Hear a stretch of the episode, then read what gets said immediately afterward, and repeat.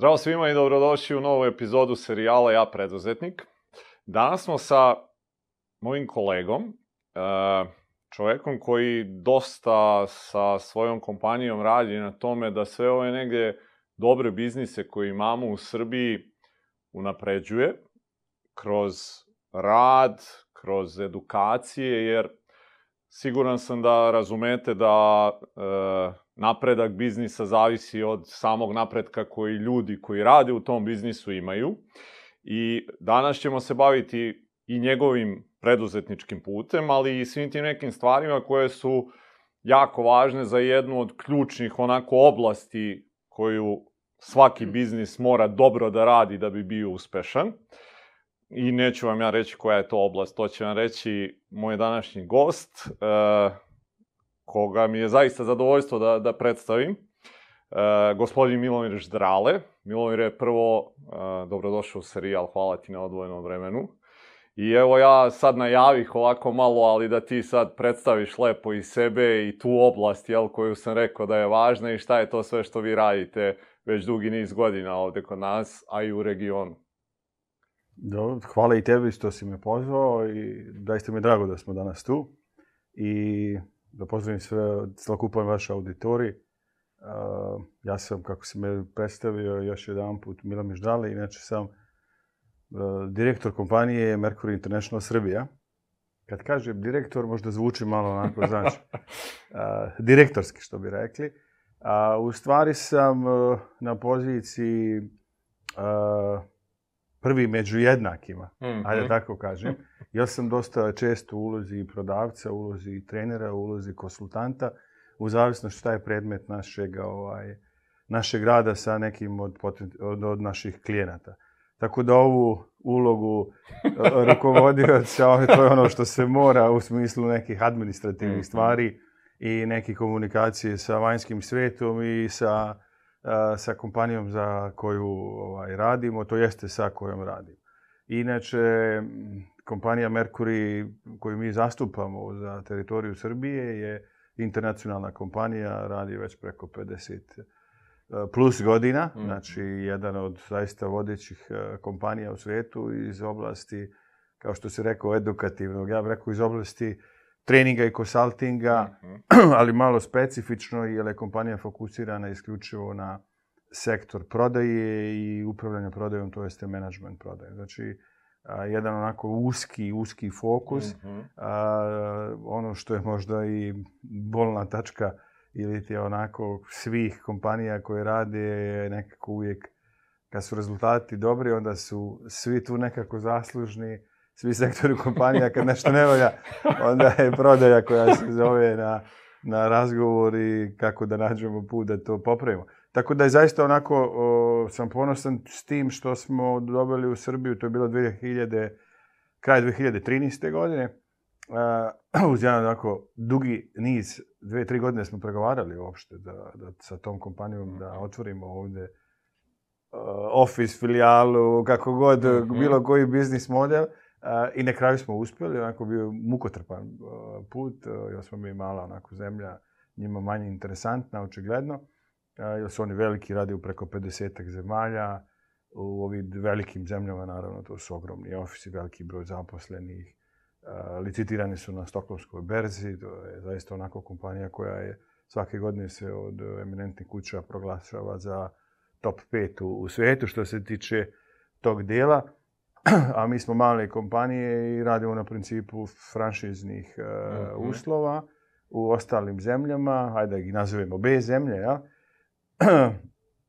ali u principu sa jednim potpunim podrškom od mm. strane mm. matice koja se nalazi u Švedskoj, kako u nekom, da kažem, marketing pristupu i strategiji rada, know-how, apsolutno, mm. sadržajima. Znači, zaista jedan uh, velika podrška, a ja bih rekao jedno globalni onako footprint ili globalno mm. delovanje od strane kompanije ali sa velikim lokalnim mm -hmm. slobodama u smislu implementacije Jasne. onoga što je lokalnom tržištu potrebno. Svakako ću ono u jednom trenutku razgovora i, i kad budemo onako negde došli do, do tog dela, mislim da je taj e, deo franšizinga, ako ga gledamo uopšte mnogo velikom delu ljudi uh, nepoznat i kako funkcioniš i šta on ono u stvari negde sve znači, ali pre toga ja bih tebe hteo da vratim na neke tvoje početke, da vidimo kako je tvoj razvojni put do i nekog ulaska u preduzetničke vode i zašto baš prodaje i sve te neke stvari. Pa te vratim tako negde na same početke uopšte ovaj, i odrastanje i tako neke stvari da, da nam malo kažeš nešto oko svega toga. Ajde, vrlo rado. Ovaj, da, da mi kažeš da me vratiš malo u mlade dane, što bi se reklo. Možda ja se dalje osjećam mladi, biko imam 50 Ispravno. kusura, tako da... To je Kako drugačije? Da, da. A, vidi, ajde, neću se vraćati baš kroz u mlade dane, ono, da, da, da ne idemo redom od pionira, mada sam ja bio Titov pionir. Svi smo I, iz i, tih I generacija. ono, imao sam jednu crvenu knjižicu u srednjoj školi i nosio štafetu u Sarajevu Titovu, O. nekih 250 metara ulicom Maršala Tita. Mhm. A ovaj, ja sam u srednjoj elektrotehničkoj školi u Sarajevu bio jedan od boljih, ajde neću reći najbolji, ali jedan od boljih, čim sam imao tu, Čast, tu u priliku, to vreme, tako. da, da. Interesantno ovaj, da u tom periodu, ajde, ono što ću da istaknem, što mi je sad onako negdje, a nekad i na treningima to pomenem, znaš. Mhm. A, recimo, bio sam učesnik tri savezne omladinske radne akcije. Mhm. I ti se vjerojatno sećaš to. Kako ne? A, ovaj, a, koji su trajale po nekih mjesec dana, obično u letnjem periodu kad su raspušti. A, I to su bili na, na dobrovoljnoj bazi, gdje smo imali određene zadatke u smislu infrastrukturnih projekata u pomoć realizacije toga. I to je bila jedna onako, uh, ja da kažem, kad bi nešto izvlačio iz te srednje škole, osim onih svakojakih doživljaja na dnevnom nivou i izleta i svega što je bilo organizovano, ovo je nešto što je bilo uh, onako čast i ponos i uopšte nije bilo lagano čak ni, bez obzira što je bilo na dobrovoljnoj osnovi, Uh, ja sam prvu omladinsku radnu akciju u Lukavcu pored Tuzle sa omladinskom brigadom Razija Manović iz Sarajeva. Smo, bio sam osmi razred Mhm. i mjesec dana smo bili na toj, na toj radnoj akciji. Radili smo različite tamo projekte od sređivanja tog završavanja, ne znam, stadiona, pa Mhm. do, do nekih ulica, do asfaltiranja, kopanja rovova itd. itd. Mhm. A, pa zaključno sa Savom 84 a, u Zagrebu, gdje smo mjesec dana provodili na sređivanju Savskih kanala. Mhm. I to se traje od jutra do navečer. Mhm. I sa onako jasnim KPI-ima, jasnim ciljevima, koliko metara, čega i tako dalje. I onda jedna borba da se ostvari ti ciljevi, Mhm. da bi brigada bile najbolji, da bi pojedinci bili najbolji. Pa te moje generacije vjerovatno će da se sete a, tad su bile te udarne, Značke, udarničke tako, značke, da. to je bilo ponos da dobiješ. A, onako dosta vojni režim rada, ustajanje na Mhm. vrijeme, fiskultura, postrojavanje i onda odlasci uz pesmom i vraćanje sa pesmom naveče, a naveče onako organizovana sloboda i tako dalje. Tako da mi je to taj jedan period onako interesantan, kako je to funkcionisalo i koliki su to bili motivi unutar ljudi i pokretači, potpuno drugi neki sistem vrijednosti koji su ljudi nosili i, i rad, fizički rad. Znači, pričamo o napornom fizičkom radu mjesec dana. Ok, naveče je bilo zezanje Mhm, i sve to, sve da. to stoji, vikendom neki turniri, futbal i ovo ono, ali 99% je bilo onako poprilično, poprilično fizičkog rada. Da napravim komparaciju sada sa Mhm. našim održavanjem prostora u kojem provodimo i gdje živimo samo. Mhm. Tako da, da eto, to je nešto što je onako m, negdje, neke vrijednosti smo malo, malo zaboravili. A, eto, to je iz tog perioda. Dru- Drugi deo mog perioda jeste moje univerzitetsko obrazovanje. A, to sam, da li na sreću ili na žalost, ne znam, bio sam se opredelio da studiram Vojno-tehničku akademiju.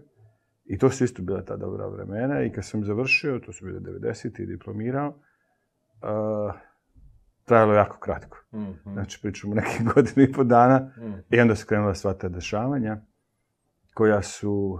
Da, i tu sam zaista isto imao onako dobre rezultate i vratio sam se u svoj rodni grad. Ja sam bio jedan od najboljih uh, studenata i kad sam diplomirao i mogu, imao sam pravo da biram i vratio sam se da radim u, u Sarajevu.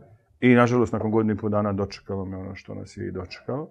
Mhm. Bez obzira na struku i ni sve, taj nesretan ratni period a, koji je trajao 4-5 godina. I poslije toga, uh, ja sam odlučio da, i znači u toku samog rata bio sam a, ovdje u Novom Sadu, a, nešto malo u Beogradu i onda sam a, odlučio da odim u neke druge vode a, i krenuo sam sa komercijalnim poslovima.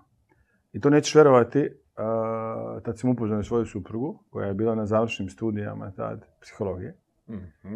A, to je bilo jako teško vremena, ne znam se ti sjećaš tog perioda. Rada, a ovaj, i 95. negdje oktobar, ako se ja ne varam, sankcije su skinute zemlji tad. Mhm. I pojavio se neki mali oglas u, u novinama, onako jako bombastičan, uh, sa nekim logotipom, pa Medifit International, pa neka obuka, pa njemački neki konsultant, pa ovo, pa ono, uh, mogućnosti neke ludilo zarada i ostalo. Zašto onako, od svih onih oglasa Biljana je fiksirala taj koji je bio jako nekako kako, upečatljiv, izražajan. Naravno, ja sam rekao, tipa, da, i to u, u tadašnjim, imali smo u Beogradu samo jedan jedini hotel u to vrijeme koji je bio reprezentativan, to je Hyatt. Mhm. Hyatt, znaš. I ništa nije obavezno, u smislu nema neke kotizacije plaćanja, nego dođeš tamo na neki razgovor ili šta god da. Mhm. I naravno, Biljana je jedno mene ubedila, ja sam bio onako poprilično... Skeptičan Skeptičan. toga. ajde, ajde, da odemo mi, odemo i su dolazimo, znaš kako je u Hayatu, sve je sređeno, sve je top, potpuno, naš, drugi svet, Mhm. u smislu tog okruženja. jel? Da. I onda ulazimo u salu, sala puna ljudi. Zaista puno ljudi. Ispred nas onako lijepo složen podijum, uzorci, ozvučenje. Pojavljuje se neki naš čovjek. Otvara to. Ne mogu da sjetim tačno, ali ja mislim da je sigurno preko 300 i nešto ljudi bilo, možda i 400, nebitno, mm puna sala. Bilo je, problem je bio sa poslom. Zapravo, nezaposlenost je bila Mhm. ogromna. Uh, i inflacije koje su bile ogromne i sve to, znači ljudi su tražili kako da mod preživljavanja, Mhm. otprilike. Mhm. A, I izađe taj gospodin, onako srednjih godina, tad je, to je za mene tad bilo srednjih godina. 45, 50, plus, a, zove se Ralf Kozovski, onako šarmantan, zgodan, sejt, i održi tu nama prezentaciju. Naravno, to je bila prodajna prezentacija u smislu kako da prodaju o poslovanju, Mhm. ko su oni, šta su oni, čime se proizvodi, a u stvari radilo su o direktnoj prodaji. Mhm. Eto, to su moji prvi početci sa prodajom i pričamo o 95. oktober. Obuka je bila, nam su imali program, onako, Mhm. što mi sad onboarding proces. Da, da, da. Nije on dugo trajao, nekih e, nedelju, dve dana. Mhm. Posle toga si morao da položiš neke ispite, u smislu da naučiš te tekstove, da znaš tu prezentaciju, da znaš proizvod. Znači, jako korektna, sad s ove, iz ovog ugla gledanja, jako je korektna to bila priprema, provizijski, e, provizijski sistem, Mhm. znači nema plata, nema ničega. Mhm. I borba je bila da dobiješ uzorak, da bi ti imao s čim da radiš, to je sredstvo Mhm. za rad. Mhm. A uzorak se sastoji od nekih kompleta i tad je već na tržištu bilo a, kompanija koja se bave tim. Jedna od njih, ljudi i dan danas funkcioniše, ljudi znaju, je Cepter, Mhm. koju je pokrenuo naš Milan Janković ili sada već Filip Cepter. E, to je bio sličan model, samo drugi proizvod. Zapravo ja bih rekao identičan model, samo drugačiji proizvod. Ovdje je bio fokus na posuđu, na nekim drugim stvarima, a kod nas je bio fokus na sve što se tiče spavačog dijela sobe, Mhm. odnosno madraca, jastuka, Mhm. Deka, itd. itd. Mhm. Znači, jedan kompletan ambijant, ali samo fokus na Mhm. spavaći deo. I su bili proizvodi koji su bili poprilično skupi u to vrijeme. Mhm. Mi pričamo o 95. Da, da. A taj najjeftiniji komplet, ja se dobro sjećam, ja bio je sad, da li 698 ili 798 maraka. Uh. O, nije baš bilo jeftino. Da, čisto ovima mlađima koji gledaju, jer kažu tad su plate, ono, bile po 5, Pet, 10, šest, šest, tako to je. to. Tako Da. je. I mi smo krenuli u rad, i imali smo prvi sastanak, dosta je to sve dobro organizovano, nakon ne znam koliko je to bilo, desetak ili nedelju dana ili dve, nebitno. Uglavnom, ti svi koji su primili, brdo je ljudi tu bilo, jako veliki broj. Vraćamo se naravno i kreće sada neka analiza, opet su oni tu pojavljuju rukovodioci i tako dalje. Mm, Mi smo među vremenu odradili svoje zadatke koji su nam dali. Onako smo poslušno, slijepo slušali gospodina Rafa gdje je ključ uspeha. I mi smo odradili svoj deo i imali smo uspeha. To je nevjerojatno bilo. Mhm. Čak smo uzeli sa sobom bili prve avanse. Mhm. E, I napravili smo prodaje.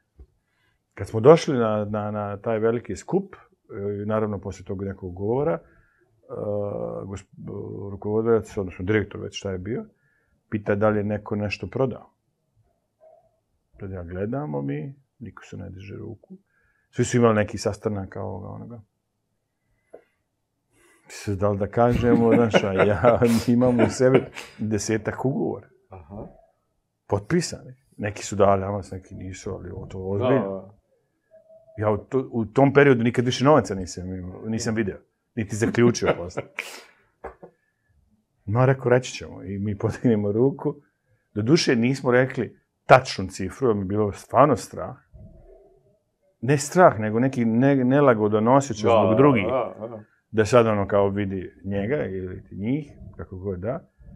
I mi smo rekli da smo imali prodaja, ali negdje oko polovine. A imali smo tad zaključenih ugovora skoro na 9 i nešto hiljada maraka.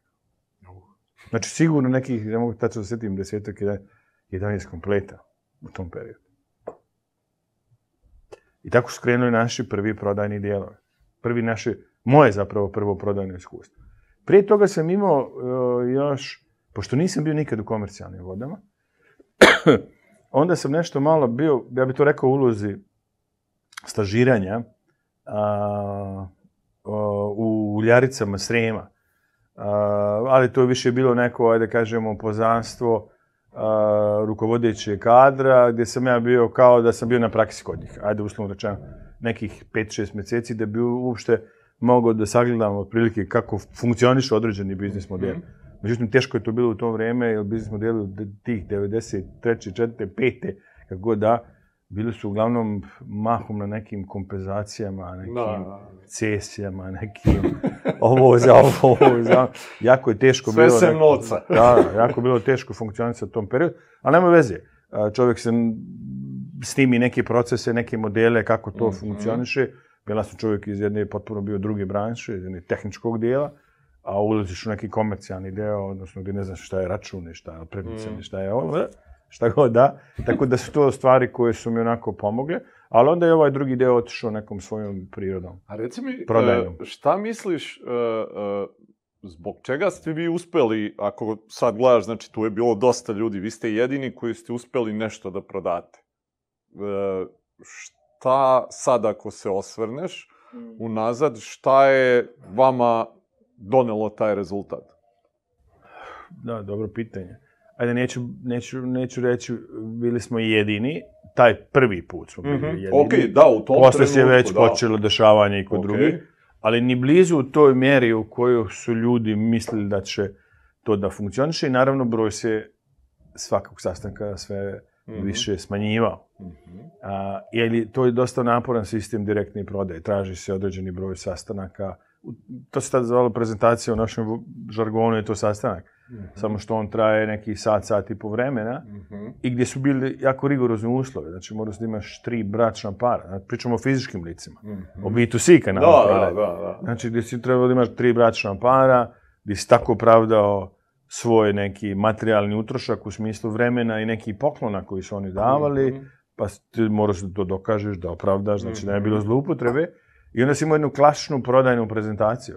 Mhm. A, tako da, a, ako bi gledao gdje je bio ključ uspjeha u tom periodu, jeste, a, neću reći slijepo slušanje, ali otprilike zaista implementacija, ako koristim današnji Mhm. rečnik, implementacija svih sugestija i svih Mhm. procesa od strane ljudi koji su vodili biznis, Mhm. pogotovo od gospodina Ralfa, a, gdje jednostavno si trebao samo stvari da primjeniš Mhm. i da a, ideš tom šematikom, ne da tražiš jednostavnije, kraće, Mhm. brže, Mhm. a, ili ti solventnije klijente i tako dalje i tako dalje, nego jednostavno da, da ključ uspjeha je bio u to vrijeme da imaš, da si rasprodat narednih 60 dana. To jeste da imaš maksimalan broj sastanaka sa potencijalnim klijentima. Mhm. Nekad je bilo i tri bračna para, ali nekad je bilo i jedan bračni par i dvoje ljudi ili ti četvero i tako dalje. Tu si mogu da imaš svoju neku fleksibilnost. Nekad je bilo i po deset bračnih parova. Mhm. Zašto bračni parovi? Jer se traži da budu oba donosioca odluke i tu, jer su velike Mhm. financijski izdaci u tom trenutku. Uh, jer je prodaja se dešavala odmah nakon toga. Zapravo potpisivanje ugovora, ne prodaja. Da, da. A onda ide dostava, plaćanje, to, to Mhm. rade druge službe. Ali fakt je trebaš da napraviš poručbenicu, odnosno ugovor, kako god da. Mhm. Tako da bih rekao da je ključ bio u tome. Zaista onako uh, slušanje i implementacija instrukcija, pravila kako da dođeš do rezultata. Mhm.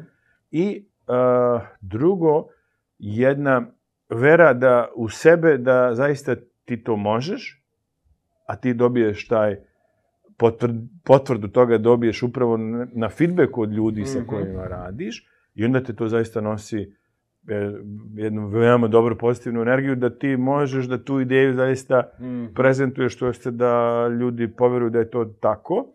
A, a pre svega toga bih rekao da je ključna stvar, a, ja sam zaista i dan danas koristim te proizvode. Moraš da veruješ u tu priču, u taj proizvod. To su stvarno prirodni bili materijali, svi fenomenalni.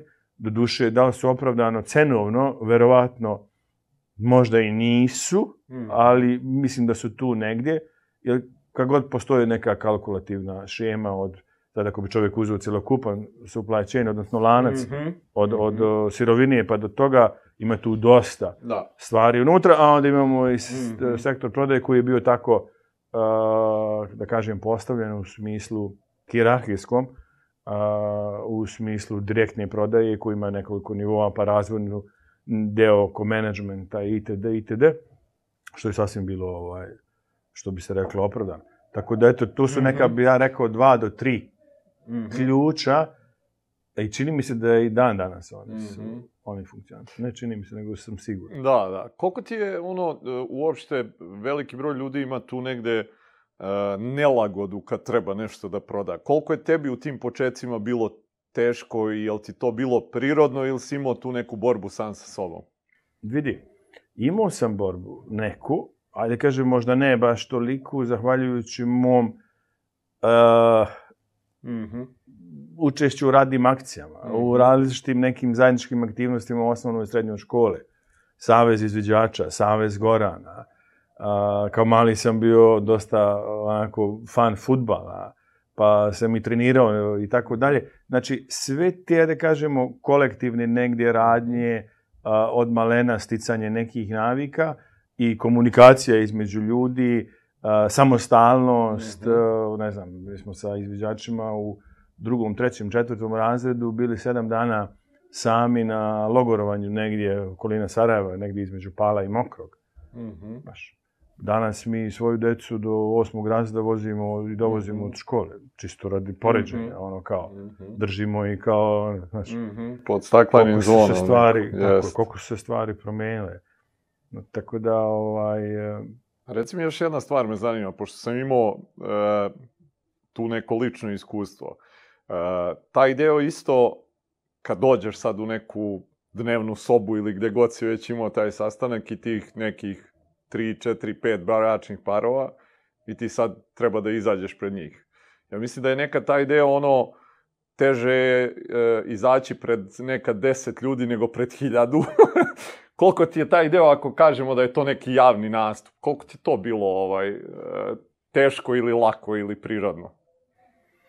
Eh, vidi, i ne mogu reći da nije bilo teško. Uvijek i uvijek i dan danas. Evo, s tobom pa te ja pitam, e, nisam se ništa spremio, da li sam trebao neki novc da napravim. Ovaj, uvijek ima neki normalno, kako da kažem, neki adrenalin proradi pre samog Mhm. uh, događaja. Kakav god da je da li je 50 ljudi ili 3 ili 10 ili kak... nebitno je.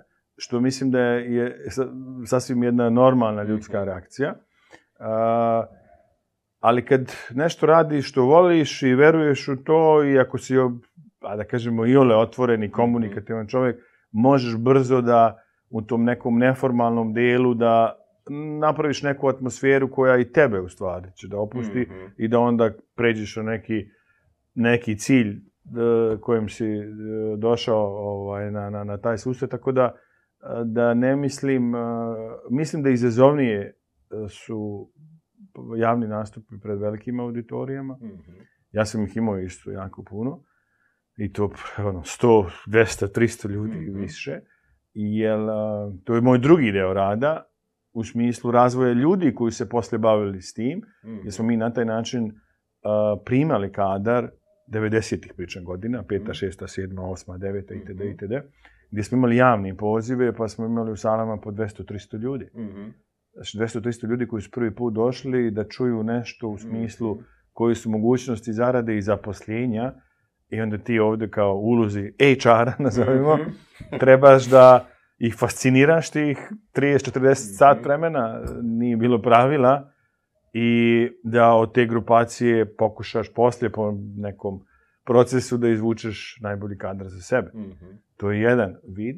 A posle smo otišli u jednom drugom kanalu prodaje gdje smo radili prezentacije, takozvane javne prezentacije u turističkim mestima. To vrijeme je bio i Cepter aktuelan i ovi što su prodavali, direktna prodaja pričam sve, Mhm. Mhm. Kirby, pa ovi što su prodavali timeshare, Mhm. apartmane u različitim Da, dijelovima da. sveta, sećaš se tog dijela? Sve. Tako je. A, mi smo imali malo drugačiji pristup i radili smo te, ja da kažemo, javne prezentacije tamo gdje smo mogli da organizujemo ljude. Mhm. To jeste ismo tamo gdje već ljudi su u nekoj opuštenoj atmosferi i to smo radili na odmaralištima, da li letnim, da li zimskim. Mhm. Ja smo sklopili ugovore sa njima i onda smo imali kao neko, ja da kažemo, program za te ljude u trajanju sat, sat i po u sklopu tog odmarališta gdje smo im prezentovali faktički naše proizvode i naše usluge. Nećeš mi vjerovati, ali na početku ja se sećam, to su bile pa i ovde po Beogradu, pa i u Crnoj Gori, pa i u drugim, u Sloveniji, u Hrvatskoj, pa smo mi internacionalna kompanija bili. E, Imali smo i po 500 ljudi na tim, Mhm. na tim prezentacijama, da ih nazovem Mhm. Mhm. taj model, ja posle toga odlazim iz Srbije, Mhm. e, dobijam ponudu od o, vlasnika kompanije koji su delimično Nemci, Slovenci i tako dalje. Proizvodnja je bila delimično u Nemačkoj, delimično u Sloveniji. A, da otvaramo biznis u Ukrajini. Koliko je prošlo od početka rada tu uh, u, u, u, u sistemu do, do te ponude? Četiri- Vremenski, četiri četiri, godine. godine. Šta se sve izdešavalo za te četiri godine? Ajde da te držim još malo onako Da. u tom nekom timelineu pre nego što odem u izdešavalo? Te četiri godine se izdešavalo ogromno iskustvo, Mhm. s jedne strane u prodaji, Mhm. i to već je bilo zadovoljstvo raditi. Mhm. Znaš, onda s- e, upoznavanje ljudi različiti sa kojima ti nemaš dodirnih tačaka, Mhm. nikad ti nisi se sreo.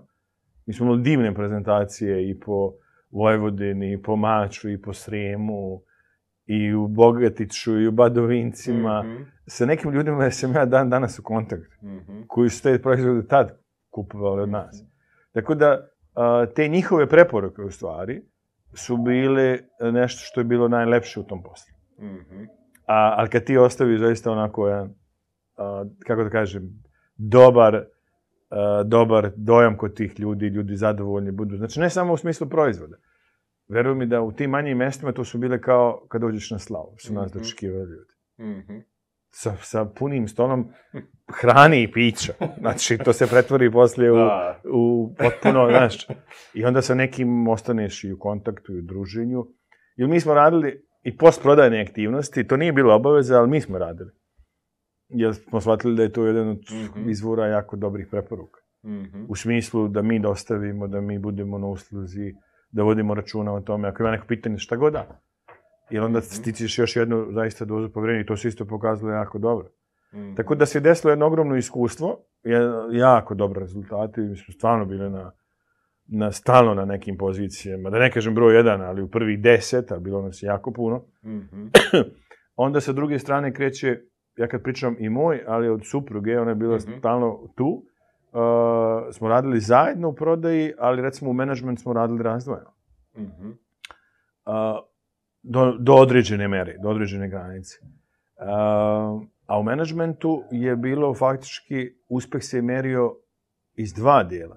Jedan je regruting i realizacija novih ljudi, to jeste Mhm. njihova realizacija ukupna, Mhm. pa onda o zavisnosti, da te sada ne davimo kod toga, to ovi što su iz direktne prodaje znaju, pa dan Mhm. danas Oriflame ili ove kompanije Mhm. tipičnim principima funkcionišu. Mhm. Pa čak i osiguravajuće kuće koje su danas Da, aktivne, da. koje životna osiguranja, life koji prodaju, imaju dosta obrisa i Mhm. elemenata tog Tog načina prodaje. da. Gdje prodaju fizičkim licima, samo su polise osiguranja. I tad je to bilo. Mhm. I tad je to bilo. A, ovaj, tako da, to je, ajde kažeš, jedan, jedan, a, jedno ogromno iskustvo u tom dijelu razvoja mene kao rukovodioca, kao menadžer. Mhm. Mislim da mi je, tu mi je tak došao onaj moj, ajde da kažemo, a, iz obrazovanja, razvoj mojih kompetenciji, pogotovo na, Mhm. na, na Vojno-tehničkoj akademiji. Mhm. Jer mislim da smo tu, a, i takvi su i predmeti bili, da smo imali predmete psihologije i, Mhm. znači, da kažemo, društvenog dijela, ne samo tehničkog dijela, jer to bio stari sistem Mhm. obrazovanja. Tako da sam odatle verovatno i ja kao crta ličnosti povukao taj splet svega, da smo dosta brzo napredovao u, u dijelu menadžmenta i da sam vodio region Vojvodine i tad region Kosova. Mhm. I, I ovdje delimično u Beogradu, tu su bili zaista onako veliki broj ljudi, veliki već obaveze, veliki broj i sastanaka i terena. Mhm. Ne mogu, seć, ne mogu da zaboravim recimo taj delove uh, moje organizacije ljudi u hotelu Grand u Prištini. Mhm. I kako smo tamo rezultate postizali u to vreme. I koliko su tamo bili ljudi zaista uh, lojalni, vredni, radni što se tiče tog dela. Mhm. Izuzetno. Mhm. I to je tako je zaista i bilo. Tako da, u to, ja da kažemo, znači jedno je prodajno veliko iskustvo, drugo je u tom segmentu rada sa Mhm. ljudima, odnosno management funkcija. Šta su neke stvari možda koje si tad morao ono da menjaš kod sebe? Ili da stičeš neke nove veštine koje do tad nisi imao, da bi to sve mogao da, da uradiš?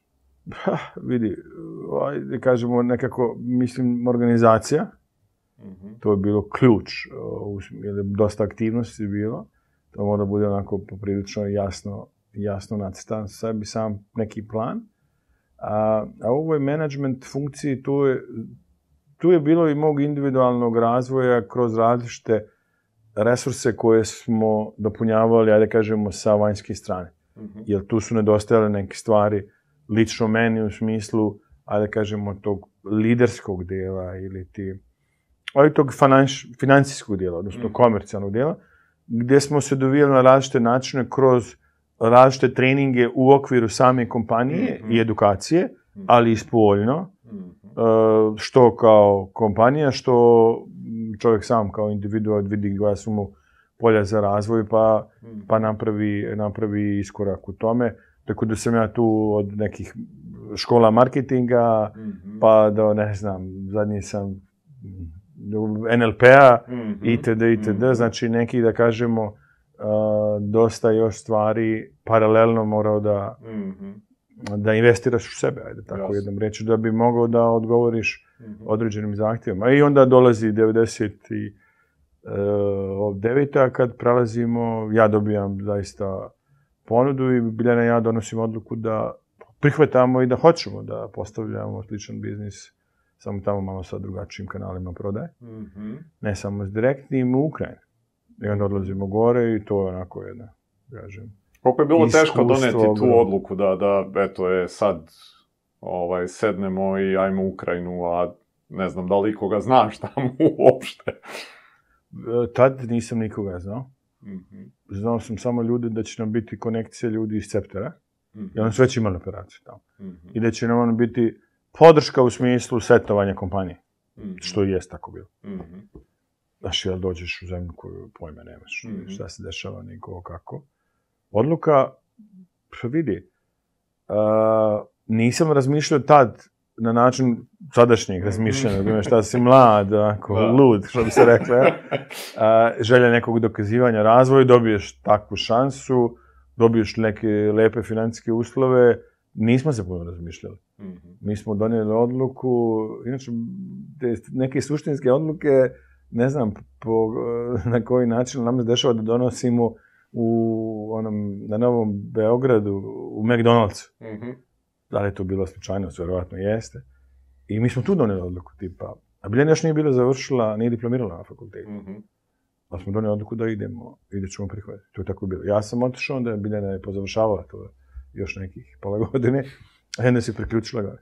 Tako je to, tako smo odletili na, Mhm. u, u tom pravcu. Evo, nažalost, danas šta se dešava Da. u toj istoj zemlji, ali tad je to bilo drugačije. Da. Kako je to izgledalo, taj dolazak tamo i koliko je teško sad sve to bilo pokrenuti uopšte, doći do nekih kontakata? E, ti prvi dane sam razmišljao da se vratim sad. Iskreno rečeno, moj sudar sa tim okruženjem je a, prvi kad sam sletio tek i vozio sam se od Borispolja do, do centra grada gdje, sa, gdje je bio stan iznajmljen za nas. Je, okruženje, fasade, osjećaj. Ja, meni su malte ne suze same letle. Ono tipa, što ti ovo treba. Mhm. To mi je bio prvi utisak. Jer to je bilo, kako da kažem, ne znam kako je sada, ja sam 2012. otišao do Ozgo, 13. Ali je, ovaj, eh, tad je meni to bilo o, kao da sam se vratio, ne znam nijak koliko nazad. Mhm. Takav mi je bio osjećaj tog okruženja, sa, vozio se po toj trasi, ulaze u taj vanjski, oni ga zovu spaljni rejon, taj vanjski rejon koji je pre, eh, prvi, jer aerodrom je neki, ne znam, nija, 30 km grada. Sa tim fasadama, sa tim onim eh, elementima, eh, oni to zovu hruščovke, staljinke i svekog perioda on- vidiš kako je to građeno i to je meni bilo onako taj prvi utisak, onda dolazim u taj stan, to jest centralna zona, ali to je opet neka ta zgrada iz tog nekog perioda, niske, 4-5, i ulaziš unutra u ta stubišta, gdje nema imena na poštanskim sandučetima, gdje nema imena na vratima, ništa nije označeno, gdje su neka obezbeđenja, hiljade nekih brava, ulaziš u stan, e kao, evo, ovo tu ćete da živite, pogledaš ono, pa opet oko okruženja oko sebe, ambijent i interijer, ovi stilisti bi trebali da, imali bi šta da rade u tom vremenu, a ovaj, to je onako, neću reći komunističko, ali otprilike, ali još neki period iza. Uh, tako da taj osjećaj samog tog dolaska mi je bio onako jako težak, iskreno. A onda smo krenuli sa aktivnostima u smislu radnim, pa čovjek to izbaci van. Ne obraćaš više pažnju, nego počneš da privikavaš. A, I prvo što smo krenuli, smo krenuli sa personalom. I to je bilo zaista teško. Pričamo o 99. godini, 8. 9. 2000. 2001. Ti prvi 3-4 godine je bilo zaista jako teško. Iz razloga što gore, posle raspada Sovjetskog saveza, oni su imali jedan period onako poprilično praznog hoda, gdje se izdešavalo izgleda svašta. 92. 3. 4. 5. dok su mi ovdje ratovali, oni su imali tamo neke transformacije unutar tih država novo nastalih, privatizacije, kako god da ih nazovemo, jako puno kriminala, jako puno nezaposlenost ogromna. I sad se pojavlja neka njemačka kompanija sa srpskim rukovodstvom. Dobro. Kako ti komuniciraš uopšte tamo i ti i Bilja? Kako, kako govorite?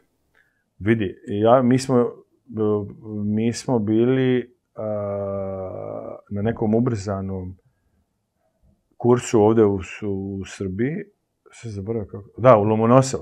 Mhm. Lomonosov centar se zvao, ili kako, mi- nisi siguran, mislim da je tako bilo. Mhm. I ja sam išao neki dva mjeseca. I kao nešto sam naučio ruski jezik. Došli smo gore, da ja pokušavam, nešto mogu da ulovim, Mhm. u smislu da razumem, ali ne mogu da iskomuniciram. Mhm. Teško je. Tako da smo se onda odlučili, a to su nam bile neke veze, kontakti iz, od kompanije Inceptora, oni su nam dali neke ljude. E tu sad ključno da setuješ nekoga ko je u računovodstvu, neko će biti direktor firme, ko će da se bavi sa logistikom, dve, tri preporuke da imaš neke ljude koji imaš poverenja, a ne znaš nikoga. I tako smo i krenuli.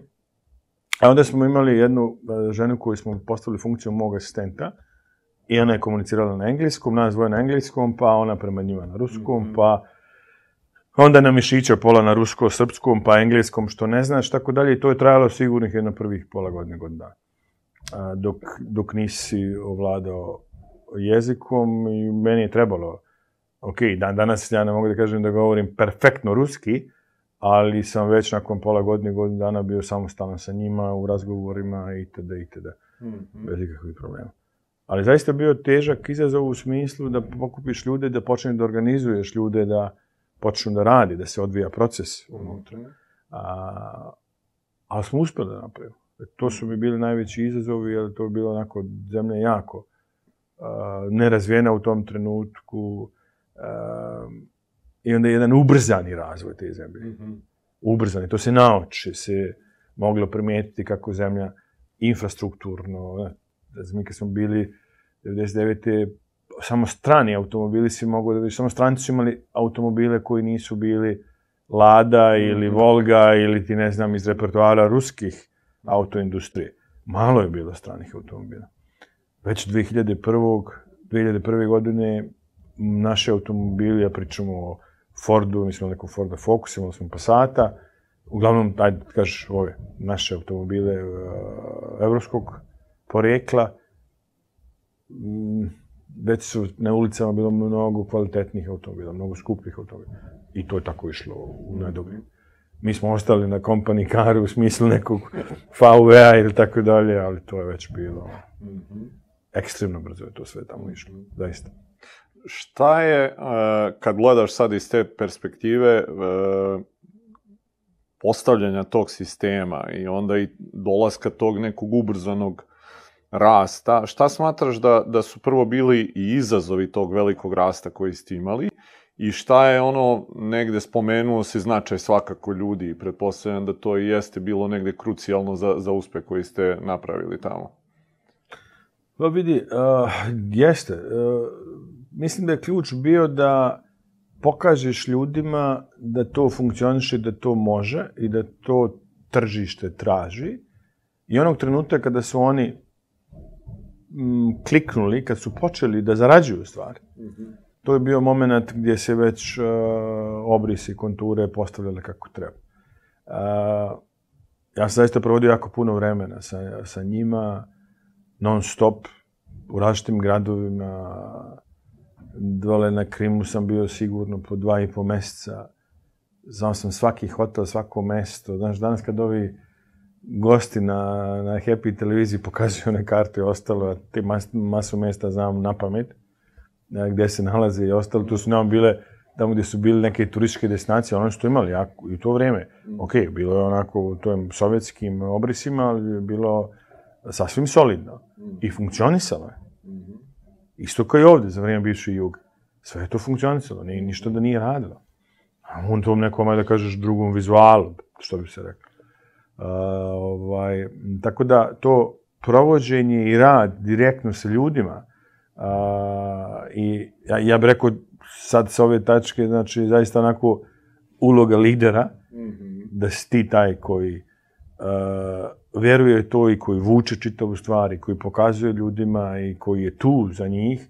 Ja sam sa njima živeo i mislim, naravno, iznajmljivali naše prostore, kuće i tako dalje, pošto je to kadar koji, recimo, a, ljudi kako, da, kako nisu imali posla do, tog do, do, do našeg dolaska. Mm -hmm. I sad ti njih treba da naučiš da prezentuju jednu kompaniju, jedne proizvode koji su poprilično i skupi i zahtjevni i treba da se objasne sve njihove prednosti, šta god da, i to na teritoriji, šta ja znam, jednog, oni to zovu sanatorija, jednog kompleksa koji se je u strukturi organizacijalno administracije predsjednika države.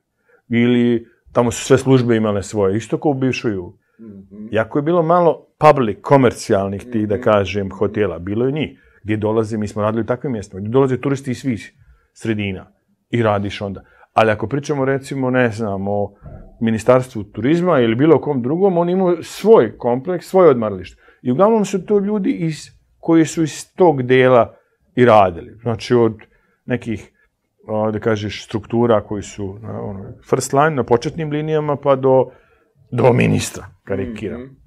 I ti ne znaš tamo moji ljudi kad dođu, oni ne znaju ko je ko. oni zovu sve ljude redom, organizuju to, imaš oglasne table, različite načine komunikacije bile, pa dođe njih x. Tako da smo mi posle, ali onda se ispostavi da ti u svojim, sa svojim klijentima imaš i ljude zaista onako na različitim pozicijama i tako dalje. Tako da je to onda krenulo i preporuke i sve nekako na svoj način, a onda smo krenuli sa nekim drugim kanalima prodaje u smislu malo prodaje showroomova i tako da, tako da je to, onda ide neki, ajde kažeš, biznis, biznis model koji je, koji je standardan. E, spomenuo si sad taj deo e, njihovog mentalnog klika u glavi da to može. Koliko je u principu taj mentalan e, klik e, isto jako važan, pogotovo za neki i prodajni deo, ali i generalno kad pričamo, ta, ta mentalna barijera često bude nešto što sputava ljude mm. i koliko je teško sad promeniti ako si ti neko ko je lider, koliko je teško promeniti i dovesti do tog nekog klika kod njih u glavi? Dobro pitanje, znaš. To je, to je danas ja na našim mm -hmm. treninzima imam, imam od strane HR takva pitanja. A u suštini, kad ja vratim film unazad, u to, je, u, u to moje vreme, kako smo dolazili do toga? A, da, je, mi jesam, ja jesam gore uveo i rad sa ljudima, a da nismo imali na početku HR-a, ni blizu. A, u smislu edukativnog dijela, pogotovo se SSD. I to sa njihovim domaćim kompanijama. I zaista smo onako jako brzo krenuli u tom procesu. Tako da smo dizali nivo onako mm -hmm. kako treba. Ali se, ono što je osnovno bilo po meni jeste da uh, lider je taj, znači rukovodilac, kako god da ga nazivamo, mm -hmm. ne znam, šef, bos, da, direktor, da, da. nebitno. Znači, rukovodilac je taj koji svojim primjerom, svojim načinom ponašanja, svojim uh, na ponašajnom nivou, uh, ono što on radi, ono što on govori, ono način na koji on funkcioniše, pogotovo ako si veoma blisko s ljudima, što bi mi rekli, ono, uh, prateći coaching ili jedan na jedan i tako dalje, da zaista tako i živiš i tako i funkcionišeš. Onda ljudi sa kojima A ja sam radio sa ljudima koji su tražili posao. I onda dođemo do toga da imaju jedan proizvod i sad koji košta, ne znam, 1000 dolara ili dve, nije bitno, a sa druge strane ima klijenta koji je možda, mm, ne znam, direktor uh, u, ne znam, nekom od ministarstava, u nekom javnom preduzeću, ili ministar, ili bog te pita. Ili administracija predsjednika. Mm -hmm. Da imaš sve prva lica, ok, osim predsjednika, naravno.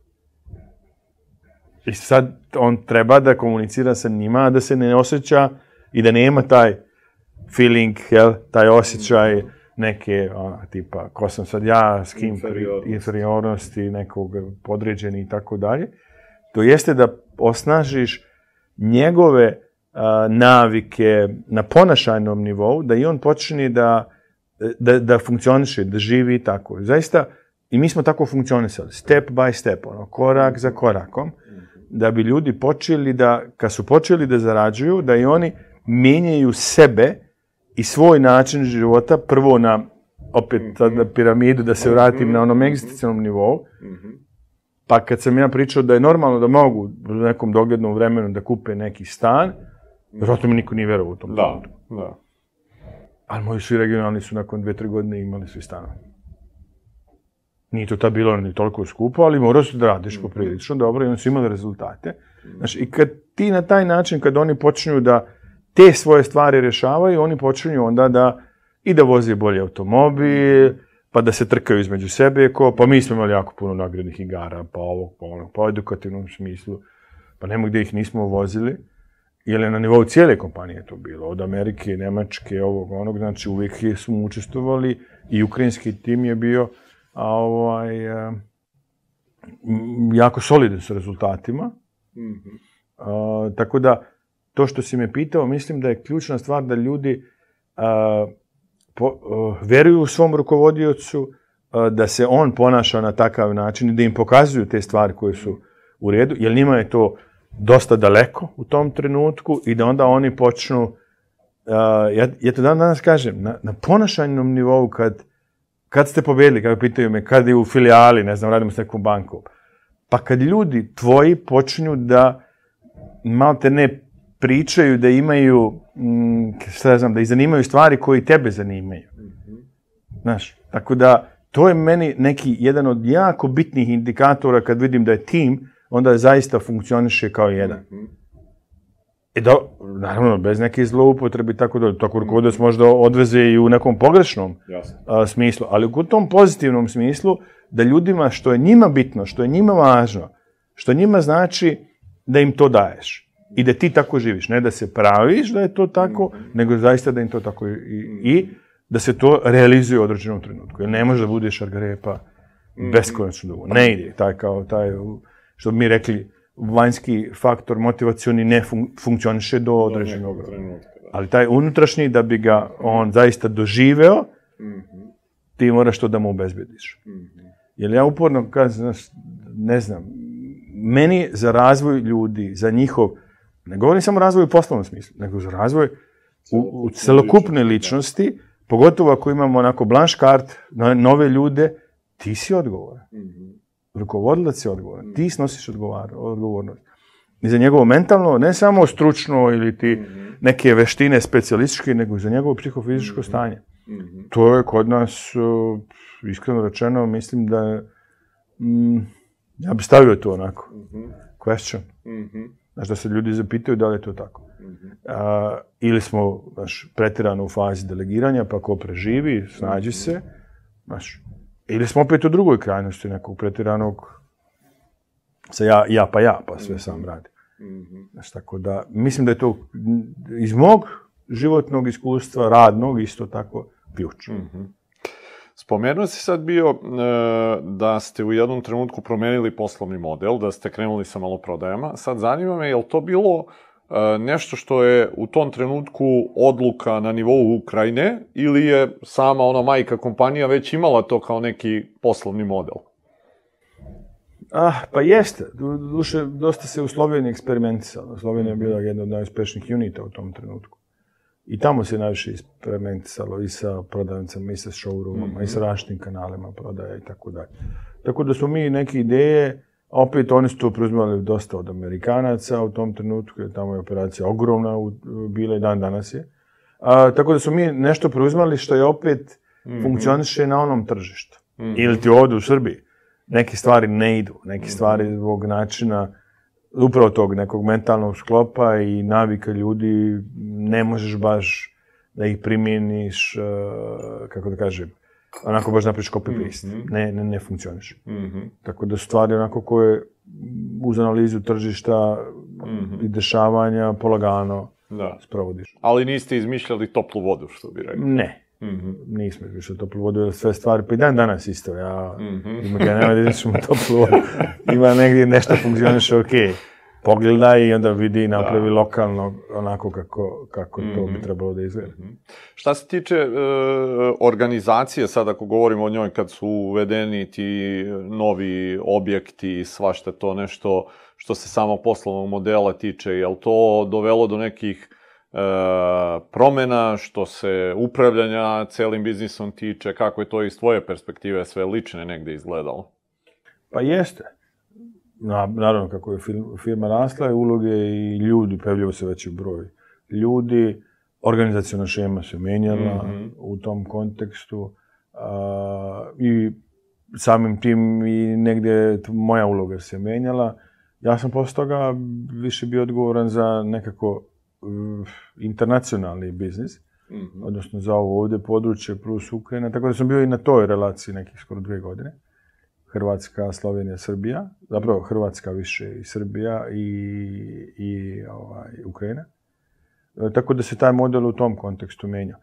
I a, on nosi sa sobom svojih prednosti i svojih, hajde kažemo, imana, naravno, ali to je nekako standardna, standardna šema. Šta su neke mane toga? A vidi šta su mane, znaš, čim je veći broj ljudi, čim je komunikacijona šema malo veća i taj protok informacija je slabiji, onda trebaš neke druge stvari da, da vodiš računa, znaš, onda oko ljudi više odrazimo u neke te administrativne stvari, znaš, malo se bi, zaboravi trg, što bi se reklo, Mhm. tržište samo i ljudi. Mislim da su to nekako u tim prelaznim situacijama naj, najveće, najveće izazove. Mhm. Kako to prebroditi i kako napraviti da to sve funkcioniše, a da ne bude previše stresa i panike. E, ti imaš, znaš, marketing deo, pa ovaj deo, onda to sve dobija neku drugu, Mhm. drugu dimenziju. Koliko je bilo uopšte tebi u, u tim nekim trenucima ljudi u, u organizaciji u Ukrajini? Oh. Pa zavisi kako ih računamo, ali otprilike negdje oko stotinjak ljudi. Mhm. Mhm. Kad onda počinje da se javlja neka misao u tvojoj glavi da je možda vreme da se Ukrajina napušta? Hm, isto dobro pitanje. Misao se javlja opet uz negdje inicijativu Biljane, znaš, kako Mhm. vidiš onaj inicijator kod nas, promjena, što bi se reklo. Pa dolaskom i dece, Mhm. i tu smo dobili blizance, i onda smo donijeli odluku da, da ovaj, se vratimo u Srbiju.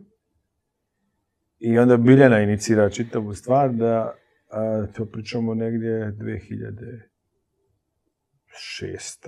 tako peta, šesta. A, I mi donosimo odluku za to, međutim ja ostajem još uvijek jako angažovan, ali sam bio u hibridnom modu, što bi sad. Da, pa nedelja tamo, pa nedelja ovdje, pa Slovenija, i to je trajalo tako do određenog perioda, gdje smo onda stvarno zakočili.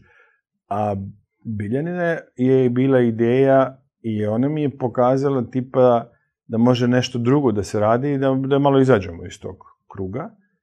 I ona je krenula sa consultingom, odnosno sa treningom. Mhm. Prva. A, ja jesam tad bio kao više outsource, a, pošto sam imao, kad sam bio u Beogradu, pogledaj sad ka- kakav je to bio mindset. Imaš nekih nedelju dana i kao slobodan sam, a ne osjećam se korisno. Mhm.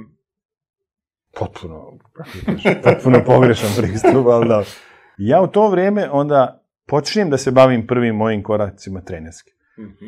A to sam čitav život zaista radio u sklopu svoje kompanije, jer sam gore i u Ukrajini, pa i ovdje dok smo bili u Srbiji, jako puno radio sa ljudima u smislu njihovog razvoja. Mhm. Što individualno uz pomoć nekoga koji je mene spremao, što outsourcovano, ja sam bio inicijator da se stalno ljudi radi sa, sa ljudima u svim kompanijama.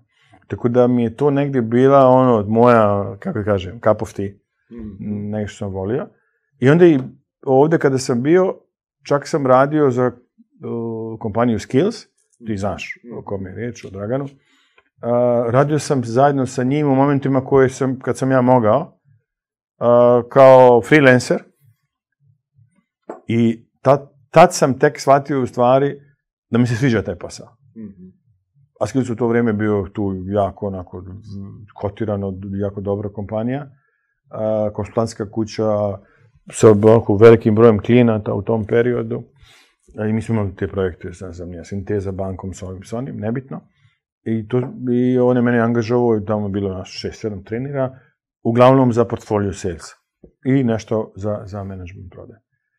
A, a Biljana paralelno počinje otvara svoju kompaniju, pošto je ona psihologa, čitav život u prodaji, Mhm. inače je to rad sa ljudima je, je onako njeno.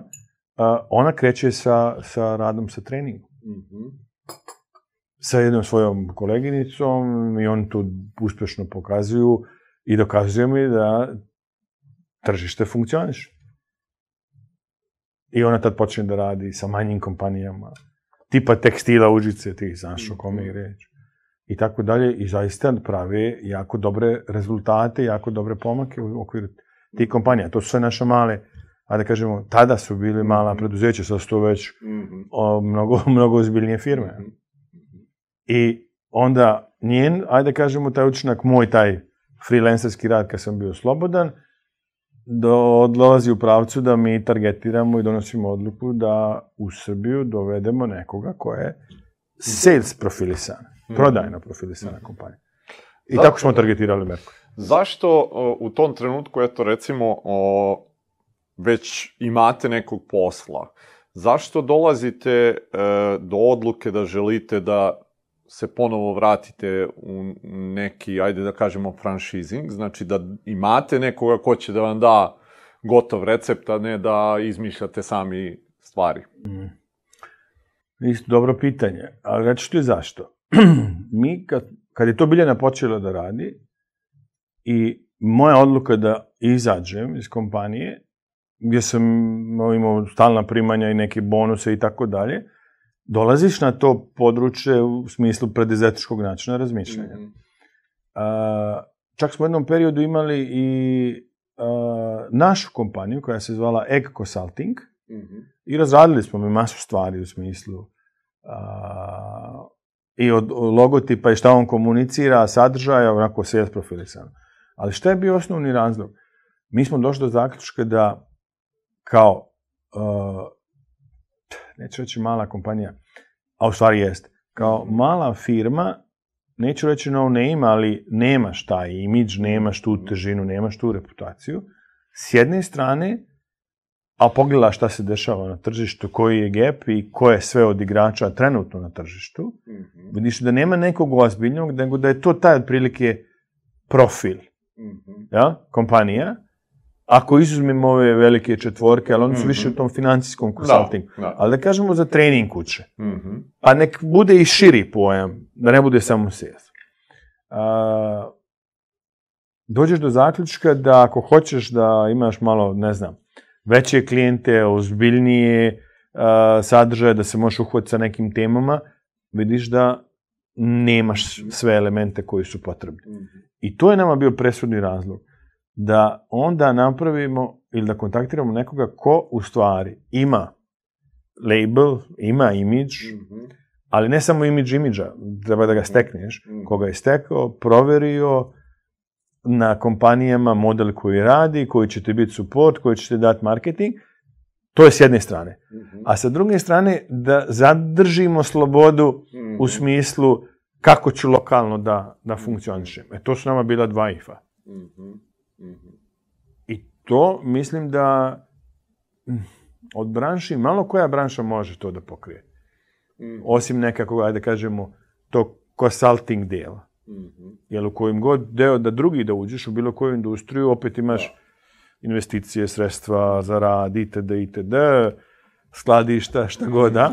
A, ovaj, a ovdje je faktički je znanje mm koje niko ne može da uzme. mm Koje tebe ostaje mm A koji treba da vremenom čovjek stekne i da dokaže da ono funkcioniše u praksi. Jedna samo stvar još da te e, vrati malo na taj eto, ulazak u, u preduzetništvo. Napustio si posao koji ima sigurna primanja i bonuse i svašta nešto. Je li bilo lako to uraditi? Je li postojalo u tom trenutku možda neke malo sumnje, straha ili bilo čega kod tebe? Pa vidi, jeste, bilo bi ne fair da kažem da nije. mm Apsolutno da, pogotovo sa, sa tih pozicija. E, ali opet s druge strane, kad vratiš film kroz što je čovjek sve prošao i koje je iskustvo, onda kažeš pa to je nemoguće da, mm da ne mogu da uspijem. mm Pitanje je samo vremena. mm Kad će se to desiti? mm I kad će krenuti rezultati da, da se ostvaruju. Jer rezultat je, on, što mi kažemo, posljedica nekih ulaganja nekog resursa u ovom smislu aktivnosti naših. Da bi došli do, do određenog klijenta. Tako da sam ja bio siguran da će se to desiti. A s druge strane, već sam bio i pogledao sam šta se dešava na tržištu. Ko je, ko su konkurencija, ko su ljudi koji rade unutra, šta se dešava na Sloveniji, šta se dešava u Hrvatskoj, u okviru naših, na koji način. Mi smo tu imali zaista i podršku od strane Slovenije, jako veliku, to moram da priznam u smislu našeg razvoja i pristupa tržištu. I tako smo počeli. Da, bila je doza straha, ajde kako uslovno rečeno, mm ali Biljana ga je već bila otklonila. mm Jer ona je sa malom preduzetničkom firmom kao preduzetnik uh, koji se bavi dela, uh, konsultingom, pokazala da to funkcioniše. mm I pokazala u različitim kompanijama. mm tako da to su bili neke, da mhm, kažem, mm nama indikatori. Ok. E, prvi kontakt sa Merkurijem, sećaš li se koja je to godine bilo? Sjećam se. To je bilo, to je bilo 12. godina, 11. Mm-hmm. ili 10. Uglavnom dve, tri godine.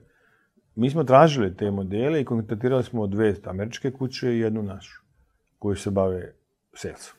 E, našu, bože, švedsku kompaniju. Mhm. A, dali smo neki svoj CV, ko smo, šta smo, predstavili ste i izrazili želju za ove. Interesantno da su nam odgovorili svi. A, da su svi jesu zainteresovani mm, i da se obratimo na taj taj način tim i tim ljudima i tako dalje. Znači nije bilo nije bilo ovaj, da nisu odreagovali. S tim da su američke kompanije jedna i druga a, bile dosta komplikovane u smislu startova i njihovih modela a, i njihovih uslova u smislu ugovora i tako dalje.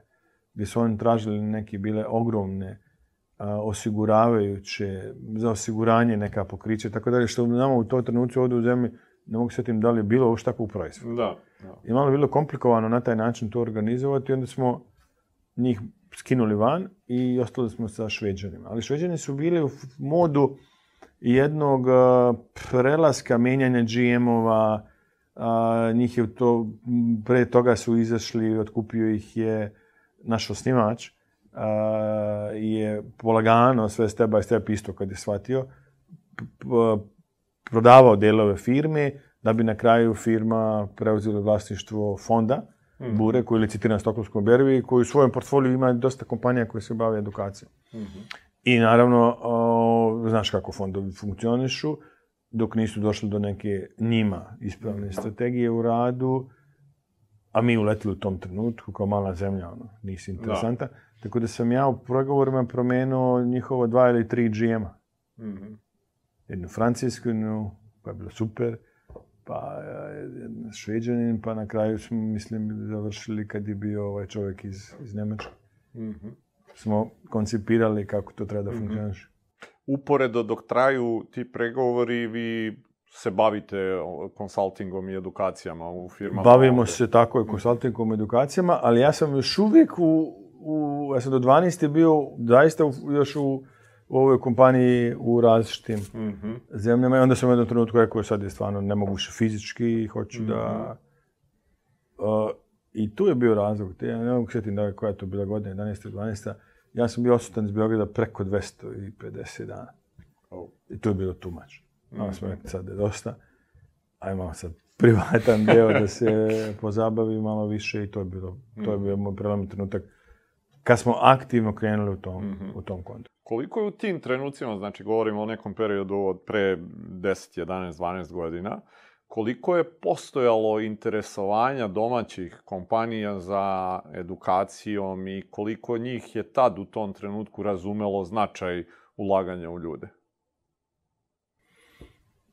Pa vidi, u tom trenutku, u tom trenutku je postojala, iskreno rečeno, ali naš portfolio klijenata u tom trenutku bi ja rekao, to su bile sve uglavnom mala preduzeća. Mala preduzeća, čah, pitanja, ajde srednja. Pre bi rekao mala, SMI. I oni su, oni su imali zaista, ovaj, da kažemo, izazove u smislu organizacione prirode, u smislu planiranja prodaje, u smislu root marketa, u smislu klijenata, portfolija, određivanja njihovog potencijala, segmenta, i što je sasvim normalno i prirodno. Da su porasli uglavnom iz, kao i mi, iz nekog Da. vlasničkog dijela gdje su vlasnici vozili sve, onda je to naraslo u jednu ozbiljnu firmu a, sa različitim kanalima, dobavljačima, ali pričamo o firmama koje imaju zaista konkretne, konkretne proizvode i onda ima to sve svoje. I uglavnom njihovi ti prvobitni fokus su uvijek su na proizvodnoj strani. Kod većini tih firmi u tom periodu bili. I to, i to srede, stvarno na zavidan nivo, ali onda ostaje ova strana u smislu prodajna, marketinška, organizacijona, HR i tako dalje. To sve dolazi na red, na red posle ili ako je urgent. Tako da ne mogu da kažem da nije bilo. Bilo je, a, ali mi smo bili fokusirani više u taj portfolio, znači manjih i srednjih. I to je jedan od razloga bio što, što smo mi došli do zaključka da ćemo teško tim načinom rada imati a, mogućnost pristupa kod velikih klijenata. Jer veći klijenti, veći sistemi, oni imaju druge izazove, a, ali oni imaju nekako drugačije kriterije i selekciju kada biraju provajdere za određene treninge, obuke, mm -hmm. consulting, šta god da. Mm -hmm. a, I to se kod nas i desilo. Mm -hmm. Mi s radom sa Merkurijom i dolaskom Merkurija, mi smo o, dobili portfolio sa koji možda bi ga imali ta, ne znam, verovatno da, ali verovatno ne s nekim klijentima teško mogli da radimo ikada. Mm -hmm. Jer i zbog možda nedostatka know-howa, i zbog reputacije, i zbog svega, mm -hmm. jednostavno takva su, mm -hmm. takvi su njihovi zahtjevi. Mm -hmm. A što opet ne znači, mi dan danas radimo sa malim kompanijama. Mm -hmm. I ja, e, zaista mi je drago kad radim mm -hmm. sa, sa manjim kompanijama i kad vidim zašto kod njih, šta je kod njih ključ. Što sa vlasnikom koji je uglavnom i, i rukovodilac, kako god da, se, da ga krstimo, se dogovorimo brzo mm. stvari i brzo stvari mogu da se implementiraju. Mm -hmm. I njemu jako brzo dolazi do rezultata. Mm -hmm. To je ogromna jedna prednost. Mm -hmm. A to u velikim kompanijama, znaš sam, kako, kako funkcioniše. Uglavnom su procesi postavljeni i radimo druge neke stvari. Ja? Mm -hmm. Manje imamo tog prostora za consulting. Mm -hmm. Manje imamo prostora da zaista efekat bude merljiv u smislu rezultata. Mm. To brže može kod malih kompanija. Mm -hmm. Kod velikih kompanija su potpuno drugi neki izazovi. Zavisi šta je strategija i kakva je mhm. trenutačna pozicija mm -hmm. firme. Tako da meni dan danas, ja volim da radim sa manjim firmama iz razloga što možemo brže da setujemo neke stvari. Mm -hmm. Znamo ukoliko je mindset vlasnika otvoren za takav mhm. način rada. Mm -hmm. I oni imaju drugi problem. Mm -hmm. Kad uh, smo se sad već tu dotakli negde tih, ajde, uh, malih i srednjih preduzeća, uh, da se zadržimo malo na njima pre nego što opet se vratimo ka tvojoj nekoj razvojnoj priči i uopšte saradnji sa Merkurijem. Kad gledaš sad ovako iz iskustva koje je ono jako veliko, šta su neke najčešće greške koje vlasnici malih i srednjih preduzeća prave koje su vezane recimo za prodaju? Vezane za prodaju. Mm -hmm. hm. Ajde, rekao bi... Znači, uvijek volim da napravim sam sebi neku vizualnu mm -hmm. segmentaciju. Dobro. šta je naj, najčešće, a da ima impakt najveći na biznis. A mislim da je ta da mm, svijest vlasnika -hmm. da prepozna u pravilnom trenutku uh, da ga biznis jednostavno prerasta i operacija da ga prerasta i da ne može na isti način da dođe do rezultata, to jeste da treba da pravi promene prvo kod sebe, a onda u okviru organizacije i da polagano, ili kako god da, da pušta van svoje kontrole određeni segment. Mislim da je to ključna stvar. Mm -hmm. A, da ili ti da po defaultu ne predaje na svoje naslednike, to je idealno ako, mm -hmm. ako ih imamo, ali ne smije da bude po defaultu, jer možda njegova deca, koja je super ako se to dešava, da ostaje biznis u okviru familije, možda A, to ne žele ili B, možda nisu dovoljno kompetentni. Mm -hmm. I onda mu roditelj traži poziciju u okviru kompanije, a u stvari, ako bi bio realan prema sebi, možda je pravi pravi, mm. ovaj, pravi grešku i sebi i, i, i detetu. Mm -hmm. Tako da, to, to sam, onako, ajde da kažemo, u par kompanija, a, u par kompanija mislim da su mi nekako najtipičniji bili mm -hmm. izrazi i to uverenje da, mm -hmm. da ja sve rešavam i da mm -hmm. vozim čitavu stvar. To je, mislim, ključna, ključna mm -hmm. stvar. Koliko se ta svest koju sad spominješ, e, menja ako gledamo globalno ovde regionalno tržište, pošto mislim da je manje više svuda slična situacija, slični izazovi ako gledamo taj neki XU prostor.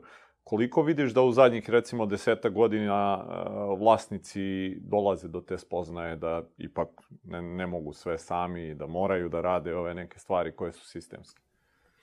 Ja mislim da smo svedoci toga da se zaista mm. dešava. Mm. Da se dešava kod nas. Poprilično ubrzano. -hmm. Jer ja vidim te neke klijente sa kojima -hmm. smo radili 2005. ja sad pričamo 2023. Mm -hmm. I dan danas radimo neke stvari. Gdje su bili tad, gdje su sada. Tako da, da mislim da masa njih, većina njih zaista je spremna na promjene i prihvatili su to. Neki koji možda nisu bili spremni ih je tržište natrao. Mhm. Prisutnost e, velikih kompanija i pritisak na tržište i uzimanje dela šera se osjeti, mislim, kako god da, u bilo kojoj industriji. Mhm. A, a toga u zadnjih deseta godina imamo sve više i više. Mhm. Tako da male kompanije, ukoliko ne, ne slijede taj deo, jako teško mogu da opstanu. A oni su navikli da im je, ajde da kažemo, profitabilnost ključna stvar. Mhm. A to su stvari koje traže da oni prate i ono što Mhm. tržište traži. To jeste da svoju firmu setuju da ona bude najoptimalnija moguća. Ja ne kažem, ona može da bude u, u licu i pet ili dva komercijalista. Ako je to dovoljno za, za, za razvoj firme. Mhm. I to jeste da ona funkcioniše i da, Mhm. da, da imamo na kraju rezultat. Kako god da ga merimo, da li u profitu, da li u šeru, nebitno. Mhm, mhm, Ok. Vratit ćemo se opet malo na ovu temu, pošto je zanimljiva verovatno i svima koji nas slušaju, ali da te opet malo vratim sad na tvoj ovaj, e, put. E, Mercury, posle silnih pregovora, kako izgledaju recimo pregovori? Koliko toga, a, ako želiš da uspostaviš saradnju sa jednom takvom velikom globalnom kompanijom, koliko toga ti bude onako negde pod znacima navoda sad nametnuto je morate ovo da radite, koliko uopšte ti imaš sposobnost da se izboriš za neku slobodu, e, što se ugovora tiče, što se kasnije grada tiče i svega toga negde što prati jednu takvu vrstu saradnje. Mm, Vidi, iskreno rečeno, mislim da ima jako puno, bez obzira što smo mi mali kao zemlja i njima iz tog konteksta možda ne manje bili interesantni. A, ali moj priprema za pregovore i zašto sam ja e, vodio malo duže pregovore iz razloga što sam ja zahtijevao nestandardan model u to vreme. Mhm.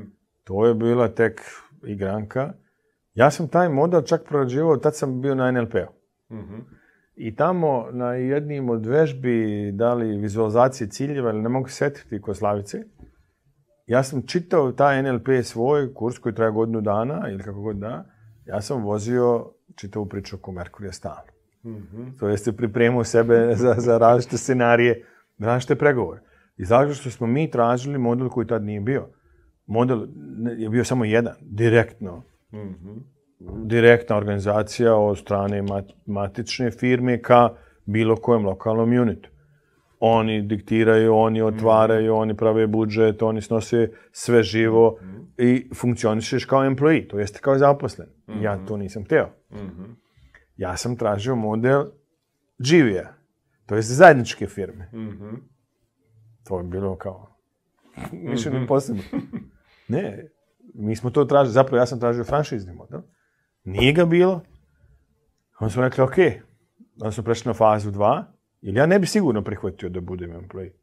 Pa to sam već bio. Mhm. Znači, ne, ne, ne bi došlo do nikakve promjene. A, pitanje je da li bi oni prihvatili.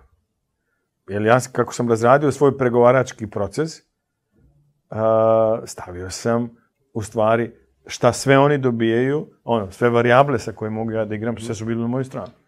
Ne treba mi ništa od vas. Ja preuzimam sve. Treba mi od vas know-how, treba mi label. To su stvari koje meni trebaju, imidž mi treba. I rad na mojim ljudima i na meni. Jer ja ne mogu da pratim globalne procese i razvoje kao mali, kao što može jedan Mercury ili jedan Heimann ili bilo koja od velikih kompanija. Miller ili šta ja znam, SP ili bilo ko drugi. Jer oni imaju za to i resurs materijalni i ljudski. Mi mali nemamo te, te opcije. To je jedan još od razloga za, za, za, za takvu odluku. A ovaj, i, I taj model koji smo mi tražili i na kraju smo ga dobili. Mi smo napravili zajedničku firmu, oni su bili većinski. Mhm. I mi smo počeli da radimo. Mhm. Nakon godinu, godinu i pol dana ili dve nepune, vlasnici fonda, znači na nivou vlasništva se menja uh, model, biznis model i tad se dovodi novi GM iz Njemačke, sadašnji GM još uvijek, gdje se mijenja potpuno model, način organizacije u okviru kompanije. gdje faktički u direktnoj a, vezi ostaju samo veliki unit, kao što su Nemačka, Francuska, Amerika, Rusija i Kina, bla, bla, koji vozi, naravno, 90% prometa, a svi mali uniti, kojih je 50 i kusur, idu u franchise model. To je bila revolucija. Gdje su stari fran- e, Merkurijanci, recimo iz Slovenije, ili Slovački, ili Češki, to je bio šok. Za mene je to bio idealan moment. Jer ja sam došao na svoj prvobitni deo. I ja sam odmah odreagovao za za. A za ovo je bio to potpuno jedna nova transformacija gdje nisu kapirali o čemu se radi, iako se prepali. A u stvari, ja pričam sa ovim svojim slovencima, rekao, ljudi, šta se menja? Šta se menja kod vas? Ko donosi biznis u Sloveniji sada? Grupa ili vi? Da. Vi donosite biznis. Da li vam je grupa ikad poslala neki novce ako bi vi ne bi generisali biznis? Da isplatite plate? Da li se to desilo? Jer ja ne znam, vi ste stariji tamo, 15-20 godina stariji od mene. Ne, nije nikad.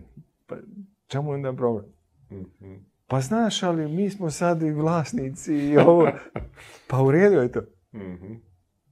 I trebalo je mi vremena. Trebalo mi je vremena, jer to je bio za njih onako i kulturni šok, i u glavama verovatno i tako dalje, ali u biti su došli na bolje. I šta je grupa uradila? Naravno, napravila neku procjenu vrednosti firmi, a onda im je rekla, ok, sada ko participira u to su partneri, to su konsultanti, možete, dogovorite se kako ćete share da podijelite, ali firma vredni X, onda, pa mi nemamo novaca za X. Dobro, imat ćete, dobit ćete loan, onaj, long term, i to su, to su obezbijedili, pa ćete vraćati od prodaje. To je tek bio opet to novi šok. Tako da su onda svi prešli na, na taj model. I to je meni potpuno logičan potez sa strane grupe. Jer kad smo direktno svi, pogotovo mali unity, grupa, odnosno vlasnici kapitala, verovatno nikad nisu vidjeli nikakav profit od strane malih, pa čak ni velikih unita. Uvijek se sve potroši. Kako god da kreiraš turnovera. Ovo je sad potpuno drugačije. Tebi su dali apsolutnu slobodu, moraš da stan- standarde ispunjavaš, to stoji, Jasno. imaš suport celokupan, a ovaj, ali oni naplate neki svoj fee za to. A kako ćeš ti da uh, dalje raspoređuješ, njih to ne interesuje. Ranije su oni bili u toj podređenoj poziciji Jasno. gdje njima ako nešto ostane. I to je bio recimo jedan zaista onako biznis model potpuno promijenjen u ovoj grupaciji. Kad je e, zvanično ono potpisan ugovor sa Mercurijem, kad ste dobili eto i taj njihov brand e, ispred ili iza sebe, kako ko to sad rekli, koliko je onda bilo e, lako ili nelako doći sad do tih nekih većih klijenata koji su možda u jednom trenutku bili ono neka ciljna grupa do koje nije bilo moguće doći. Nije opet bilo po defaultu. Da se razumemo. Opet zavisi od negdje naših, naših aktivnosti na lokalnom tržištu i do, da doneseš i da iskomuniciraš s ljudima da, ovaj, da smo tu. Ja? Jedino što je bila, ajde da kažeš, jedna od prednosti, što, pošto mi ovdje u Srbiji, pogotovo u Beogradu, imamo dosta uh, headquartera velikih kompanija, poput nekog, ne znam, i, i, i operacija ovdje, ne samo u smislu nekih predstavništva, nego zaista i firmi. A, Siemensa, Nagla, veliki kompanije, da ih nabrajam, Boscha, ovo, ono, gdje su rukovodioci, pogotovo, da kažemo čak na, na C levelu pogotovo, pa i na B levelu, su mnogi bili u nekom periodu pre na Mercury modulima koje su održavale negdje, gdje je headquarter ti kompanija napravi za svoje u Austriji ili u Sloveniji ili u Češkoj ili u Njemačkoj ili bilo gdje. Tako da, e, ja sam se tad susretao da su mnogi od njih negdje bili nekada. I da super sad što možemo, možemo da budemo tu. To sam tad u to vrijeme, kad smo tek počeli da, da radimo, na to sam nailazio. A, ovdje nekog, što mi zovemo importa biznisa od strane grupe, imamo ga ali jako malo. Zato što, uglavnom, kad veliki organizuju globalne projekte, koji se izvode, mi smo zaista jedna od rijetkih firmi koja može da izvede globalno projekat. Bu, bukvalno, ja mislim da to možda par firmi možda izbroji. Ali oni uglavnom to izvode onda uh, gdje su velike matične kompanije unutra ili su na istoku. Mi ovdje toga jako malo dobijemo. Dobijamo mi godišnje, to su dva, tri mala projekta. Uglavnom za Salesforce ti kompanije. Sad smo imali, evo, sa, sa jednom austrijskom, nemačkom kompanijom, koja ovdje ima ozbiljnu operaciju, to je ozbiljan distributer hemije u ovom dijelu, ali eto, to su neke, ja da kažeš, na, na, na nivou grupacije neke male prednosti koje, koje se dešavaju.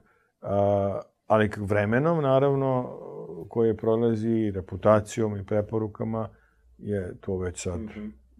Većina kompanija i drugo velike kompanije ipak imaju u svom planu ozbiljno, ovo kad pričamo o kompanijama gdje su HR-ovi zaista uh, ozbiljno se bave sa razvojnom stranom. Mm -hmm. Znači oni imaju budžete i edukativne procese koji moraju da se prođu, zavisi kako kojim nivoima, mm -hmm. A onda i kod njih dešavaju se različite stvari na strateškom nivou, da moraju neke stvari i mimo toga da odrađuju, tako da to ide -hmm. nekim svojim onako običajnim. Mm -hmm. Koliko je taj know-how koji ste dobili od njih e, bio e, primenjiv za naše tržište, a koliko ste morali da pravite neka ono prilagođavanja?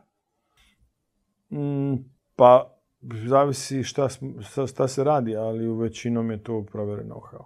Mm -hmm. To su uglavnom stvari koje su implementirane u, u a, ako ne pričamo samo o razvoju kompetencija. Mm -hmm. To je već druga stvar. A, jer tu se više onda radi na treningu, pa radi se na veštini, na implementaciji, na praćenju, na vežbama da bi ljudi zavise tu kompetenciju podigli na određeni nivo. Pa samo pitanje koja je, e, šta je sadržaj rada sa tim ljudima, u zavisnosti koja je branša u pitanju. Ali ako pričamo o nekim sistemsko-procesnim stvarima, mm -hmm. onda su to stvari koje su apsolutno primenjene. Mm -hmm. Tu nema samo je kontent je samo je mhm. drugačiji, ali znaš, ne znam, kriteriji za selekciju segmenata, za kvalitet odnosa ili za udele, oni samo različiti po industrijama, oni moraju da postoje. Mm -hmm. Ili atraktivnost ili potencijal klijenta kad radimo određenu segmentaciju ili mhm. matricu za, mm -hmm. za portfolio, da bi znali mm -hmm. s čime firma raspolaže, to je srce. Mm -hmm. To je know-how koji Mercury ima u, ne znam, nije po evropskim zemljama, malte ne, mm -hmm. svaka druga kompanija. Ajde opet da se vratimo na, na ova mala i srednja e, koja smo malo prespominjali kad govorimo o segmentaciji. E, prvo ovako me zanima iz tvog iskustva, koliko je e, firmi u koje ste došli i bili pozvani da radite sa njima, imalo tu segmentaciju urađenu na bilo kakav način, jel e, e, imaš ono čisto neku predstavu procentualno možda da ste došli i da je ta segmentacija bila ono solidna? Hm. Dobro pitanje. Rekao bi, ajde, procentualno malo teško, ali ne bi rekao da moje iskustvo što govori, gdje smo dolazili, nije to bilo, postojala je neka, mm -hmm. ali da je urađena kvalitet, kvalitetno na način na koji treba da se uradi, mm. negdje nije bilo, a negdje je nedostajalo po nešto. Ja bih to tako kvalifikovao. Mm. Uglavnom je to više na bilo na, geogra na geografsko neku mm. segmentaciju, što je sasvim i prirodna i logična stvar, u smislu optimizacije troškovne strane. A, ali dubinski, kad pogledaš, i još možda neki od parametara koji je tad vlasnik prepoznao da je mu je bitan.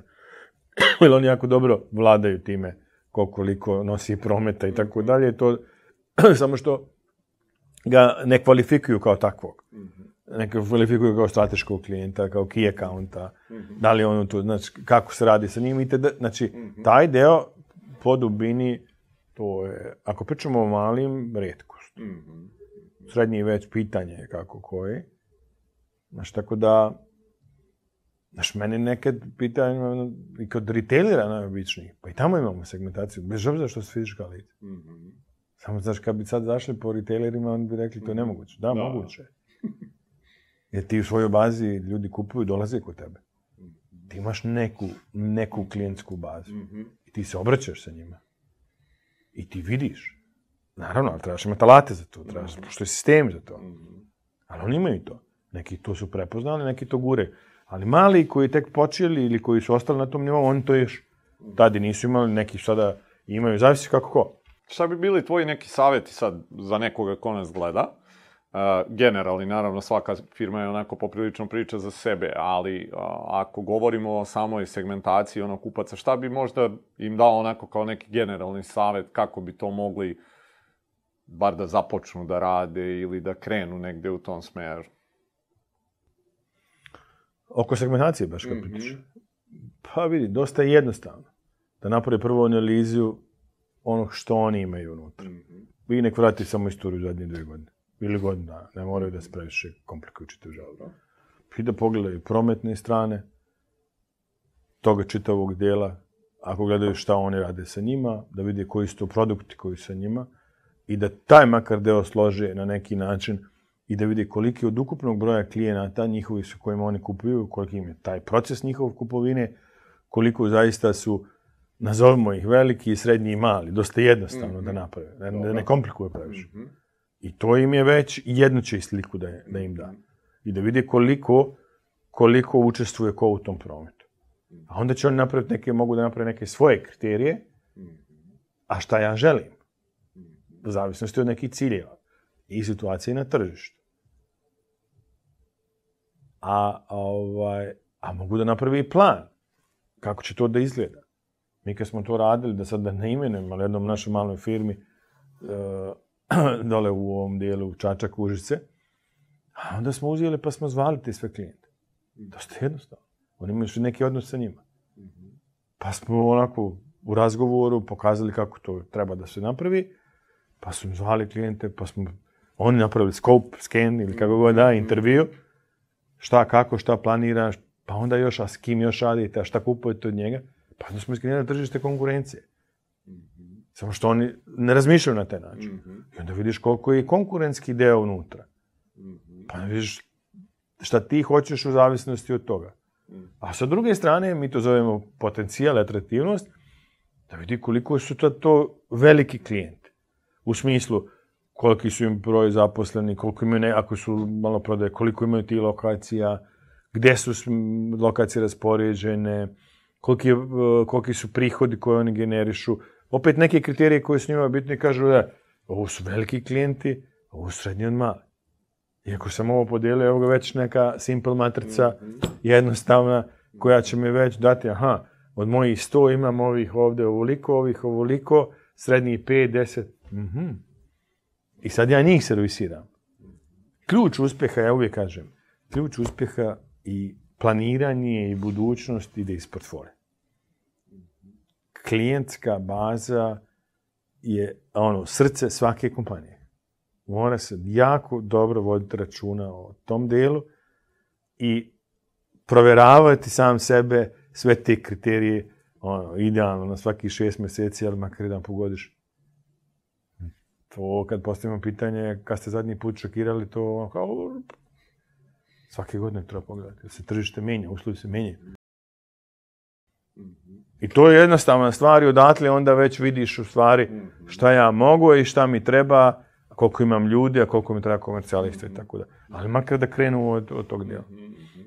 E, Kad sad ti gledaš prodaju onako jako dugo si u njoj, šta su neke možda stvari koje su se menjale u prethodnih 20 x godina, koliko već, šta su neke stvari koje su ostale iste i koje se nikad neće promeniti po tvojom mišljenju?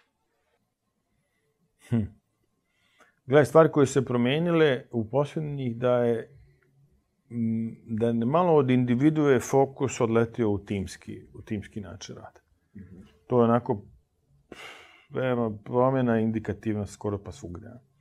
Druga od promjena koja se desila da da masa stvari uh, treba na neki način da je sistematizovana.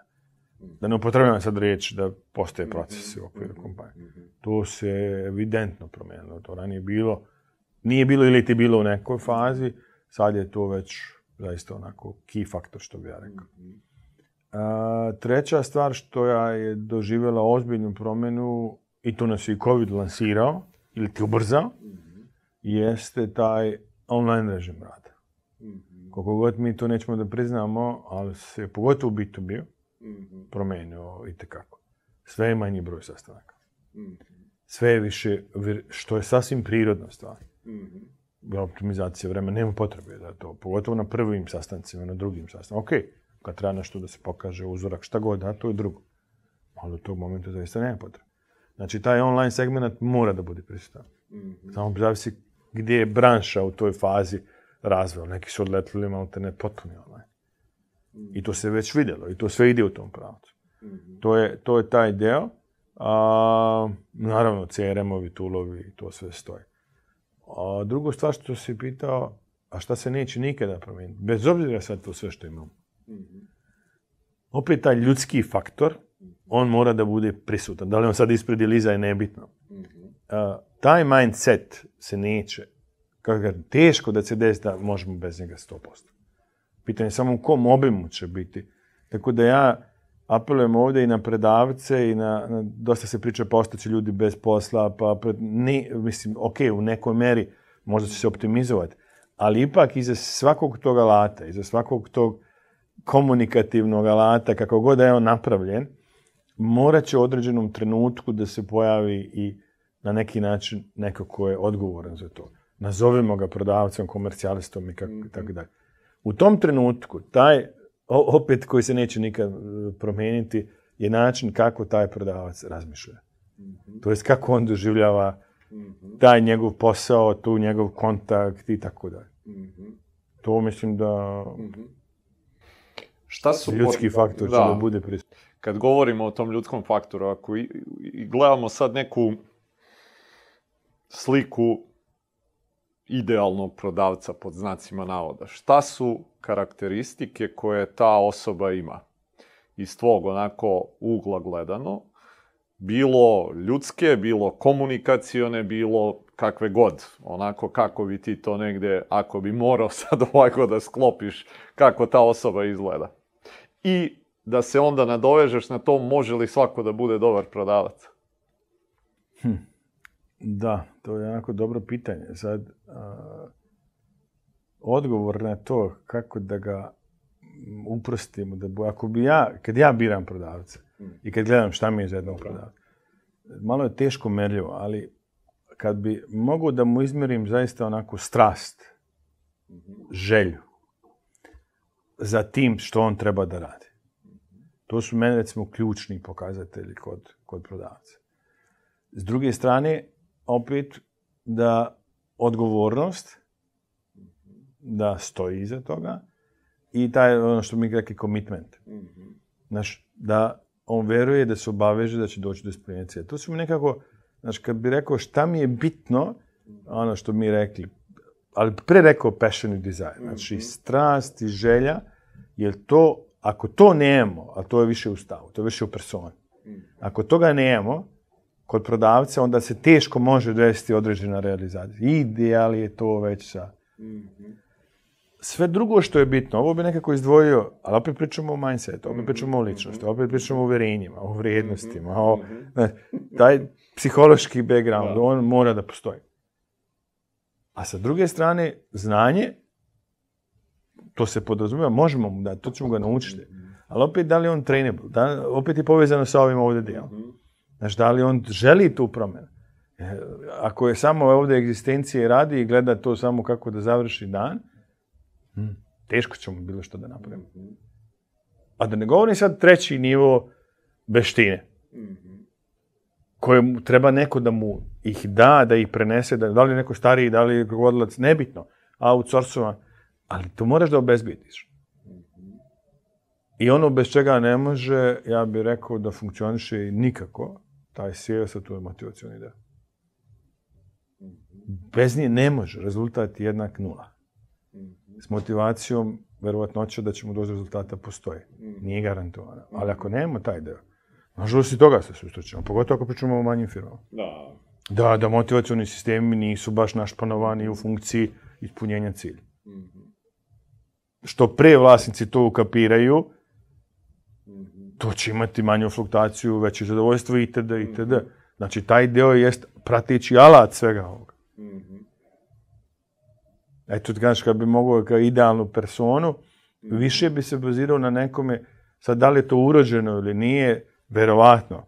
Ako gledamo u profilu, u ličnosti, da, neke stvari, ono, da mi je nekog introverta naučiti jako dobro istrenirati da se ponaša u određenim situacijama kao ekstrovert. To jeste da mi se prodavac, da ima takav kapacitet da se može prilagoditi bilo kojoj osobi koja je preko puta.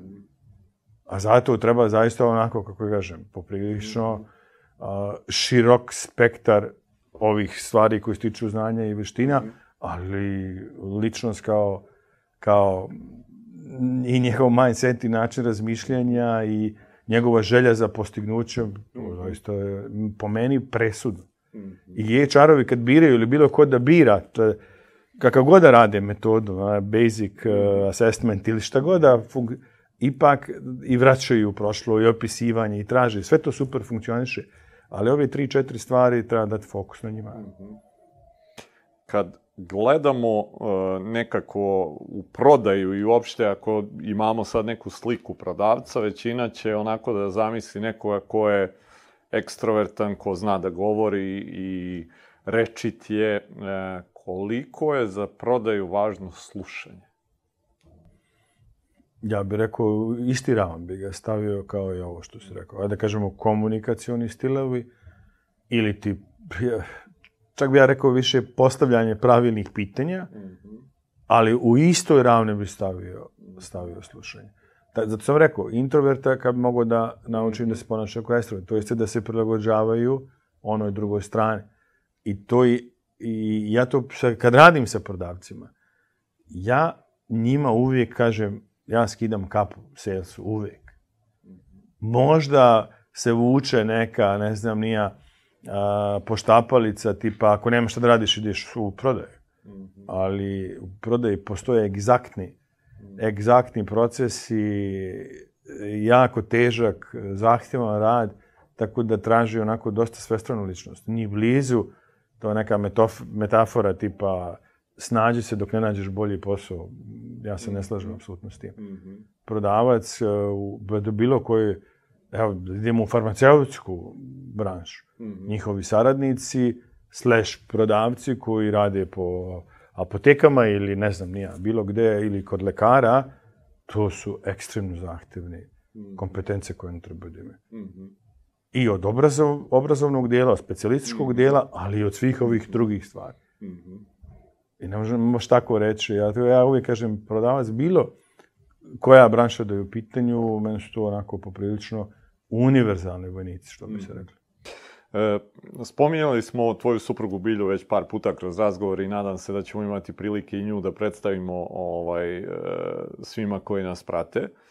E sad, zanima me iz e, ugla bračnog para u biznisu, koliko je teško ili lako imati supružnika kao kolegu ili koleginicu i raditi zajednički biznis. Iskreno bolje da pitaš Biljana. Pitaću je, naravno. Vidi, da ti nešto kažem, ajde, bit ću, bit ću zaista iskren. Mislim da je to ogromna prednost. I mislim da je mnogo lakše. A, samo da postoji interes i, ajde kažemo, i slične kompetencije da su oboje žele to da rade. To je, to je Jako drugo. Znaš, da, da mogla je Biljana da bude u svojoj branši i da bude klinički psiholog, mislim, razumijem. Ali onaj bio, fokus je bio na marketingu, na salesu. Tako da onda to ima smisla sve. Znači da nekako delimo tu zajedničku viziju i tako dalje. Mnogo je lakše, zato što uvijek ima i trenutaka, nije baš sve kad je super, nego ima i trenutaka kad ne idu stvari baš kako bi čovjek želeo, tad je to jedno ogromno razumevanje, jedan ogroman suport. Mislim da mm, ne znam, procentualno se ne bi izdržavao ono, 90-10, ali zaista je mnogo lakše Da. Mislim da je mnogo lakše s tim, ono gdje jeste taj, ajde kažemo neka doza možda a, slabe strane, a, da se taj biznis prenese možda i u porodični ambijent, pa da se taj deo komunikacije odveze u tom kontekstu. Ali mislim kad su ljudi svjesni da znaju da zustave taj deo.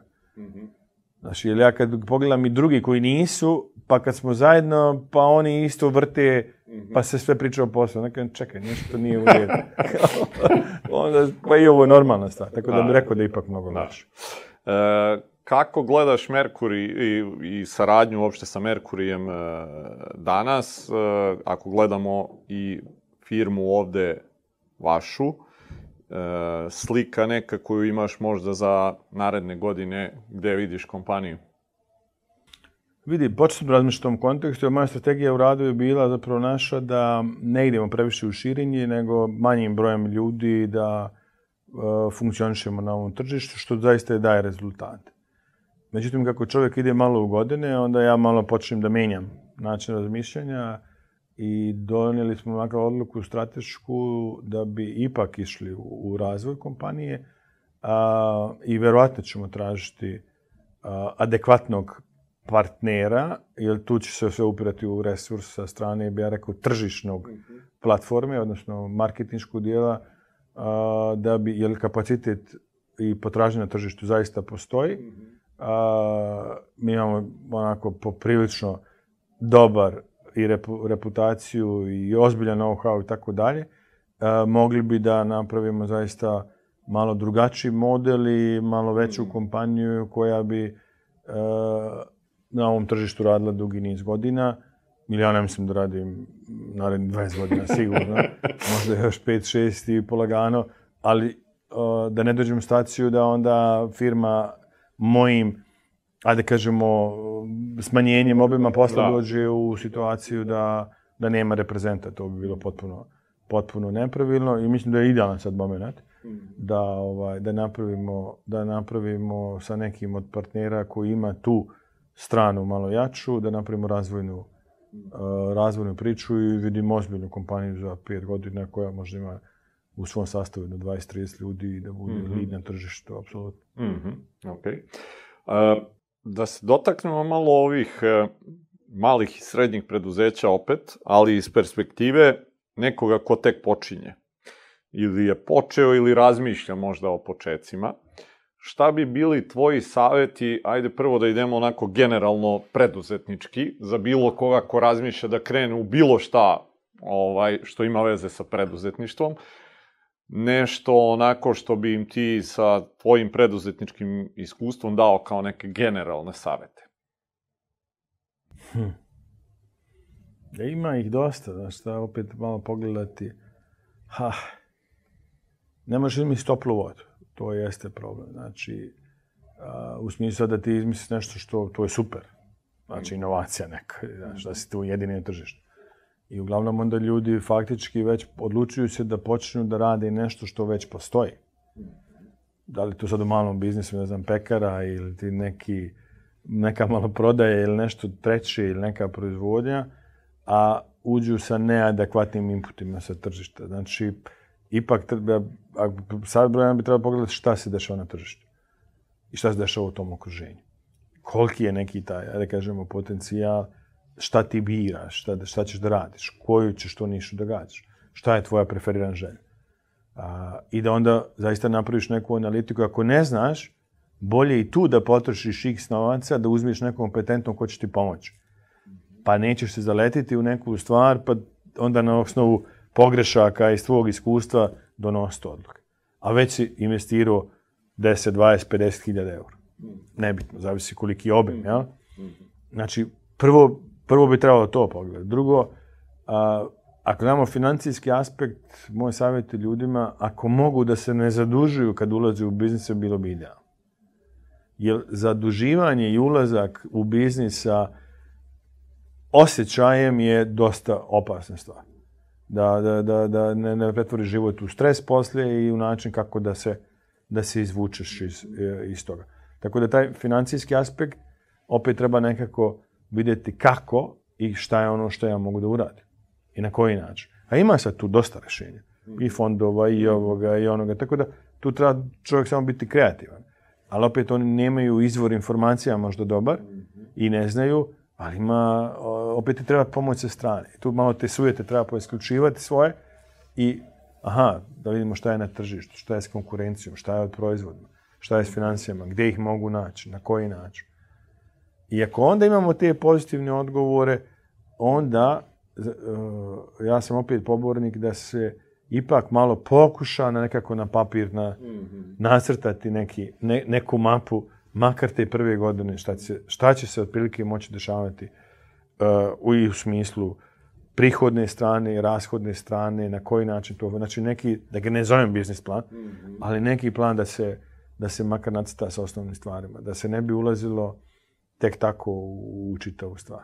Mhm. A što pre počneš da poštuješ sva pravila igre, uh, manja je verovatnoća da, da ćeš da pogriješ.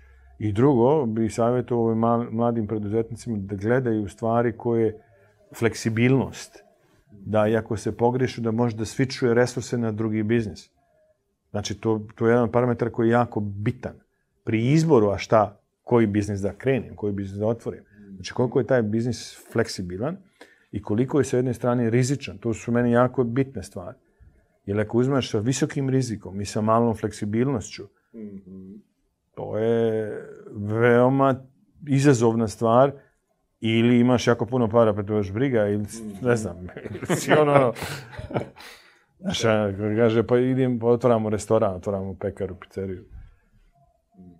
Znaš, sad kad pot, da ga bi napravio analizu u restoranskom biznisu od čega je, šta je key faktor i šta je najteže trenutno, verovatno niko ko ima viška para bi rekao, pa ne trebam to u životu. Gdje je problem sa ljudskim kadrom, Mhm. ne evidentan, nego ono, gori na sve strane. A tebi sve zavisi od kuhara. E, ako gledamo njih, neki savet je bio, znači, za početnike. Gledamo sad ove malo koji su možda i etablirani, postoje na tržištu, proizvod je tu negde definisan, postoji tražnja za istim. Ako gledamo sad tu neku prodajnu strategiju, onako, e, šta bi bili možda neki saveti koje bi dao njima? kako god ih ti sad definisao, da li možeš da ideš bilo koliko u dubinu ili neke krovne stvari, ali čisto neka možda sugestija sa tvoje strane. Da. Ajde, osim segmentacije, mm -hmm. odnosno portfolio, smo to spomenuli, jeste. To je broj jedan, to može masa da napravi samostalno, malte. Mhm. Broj dva, da daju fokus na postojeće klijente, pogotovo ključne klijente. Da malo razmisle sami i nacrtaju mapu puta šta rade s tim ljudima. Šta su radili? Dosta jednostavno. Šta su radili prošle godine? Šta je dalo rezultat, šta nije dalo rezultat. I nek napravi intervju s tim ljudima. I onda to nek prebaci za plan za narednu godinu. I da te ključne klijente, obično im ti ključni klijenti nose jako puno. 70, 60, 50, zavisi kako ko, puno im nose promet. Da povedu računa o njima. Pa tek onda, ajde da kažemo, na, i da tu najviši fokus se da, pa tek onda na ostale, na ostale, na ostale klijente. A, I da opredijele jasno, ajde da kažemo, to su mi nekako najbitnije stvari. I onda da shodno tim ostvarenjima koji su sada napravili, da ipak pokušaju da nekako uniformišu neki plan za narednu godinu. Da ne kažem sad za narednih pet godina, možda je za njih previše, ali makar za narednih godinu, dve dana, da bude on na neki način merljiv i da odatle mogu da vide šta im je zaista potrebno od resursa i financijskih i, i ljudskih i bilo koji drugi i da po prioritetima nekako počnu da se opredeljuju za uvođenje jednog. Jer oni ne mogu da implementiraju sve stvari jedan put. A imaju proizvodni dio, pa imaju dobavljača, pa imaju kupce, pa ovo, zavisi koja je branša u pitanju. I da, da zaista ovaj, da idu step by step, ali da pokušavaju da integrišu što više alata, oružja, kako god da ih nazovemo, procesa koji su njima najbitniji. Počevši od onih elementarnih. I da, da, da, da, po, da izbjegnu te gre, pokušaje, na osnovu pokušaja greš. Jeste da se iskustvom stariji, ako gledamo 70, 20, 10, uče 70% sticanjem i iskustvom. Ali zašto da se učiš na svojim greškama, pogotovo ako si investirao u nešto, ako već imaš i možeš da vidiš i da sagledaš na tržištu šta je neko napravio i šta je radio dobro, šta nije radio dobro. Ne moraš to da uradiš. Tako da jednostavno da malo pribegnu u tom delu analitičkom i da uvažavaju neke postulate, jer svi biznisi imaju sve svoje, svoje, svoje pravila, pravila kako funkcioniš. Mislim, nema tople vode. Apsolutno. Kad je po tebi dobar trenutak da a, kompanija pozove nekoga u pomoć, recimo, da e, kupi to neko znanje? Najbolji trenutak jeste kad kompanija ostvaruje dobre rezultate. To je najbolji trenutak. Jer tad je relaks, tad imaju nekih uspeha iza sebe, imaju novaca, šta god da, i tad treba da se radi investicija. Po svim parametrima. Ne govorim samo u edukativnom smislu, u razvoju, nego u sve što taj biznis treba da se dešava. Mene kad oni pitaju koja je strategija, im kažem imate tri strategije. Investicija, investicija, investicija. Šalim se, ali tako jeste. Samo pitanje je koliko možeš i koji ćeš pilar u kompaniji da, da prije počne da sređuješ. I najbolje je kad je firma u nekoj uzlaznoj fazi. Kad firma već ima problem, to je već jako teško. To je već kasno. Jer tad imamo ono, rezanje, shrink cutting mod, nekih zatezanja i obično puca po stvarima koji donose rezultate. I tad je teško to uraditi. I na kraju kraja nemaš prostora. I onda ideš u jednom drugom pravcu. Tako da idealan moment je čim mi napravio pojedine rezultate, čim vidiš da imaš prostora, da tržište reaguje na proizvod, bez obzira koliko god da se mali, tad već treba da razmišljaš kako da sledeće korake pravi. Jer rezultat je posljedica i on ide sa zadrškom vremena. I sad, ako krene da pada, šta je tu sada naj, najteža stvar? Kad on krene da pada kao rezultat, tebe još uvijek inercija nosi. Uvijek imamo zadršku vremensku iza i neke aktivnosti. Tako da ti ne primećuješ ne primećuješ u stvari, a, ovaj, a, počneš da radiš stvari rutinski, ne baviš se nekim stvarima, aktivnosti opadaju, ali tebi još uvijek kao, pa vidi, imam neki rezultat. Samo što je to posljedica od onog prije mjesec, dva ili pola godine ili koliko god da. A onda kad krene stvari da idu nizbrdo, onda je već panika.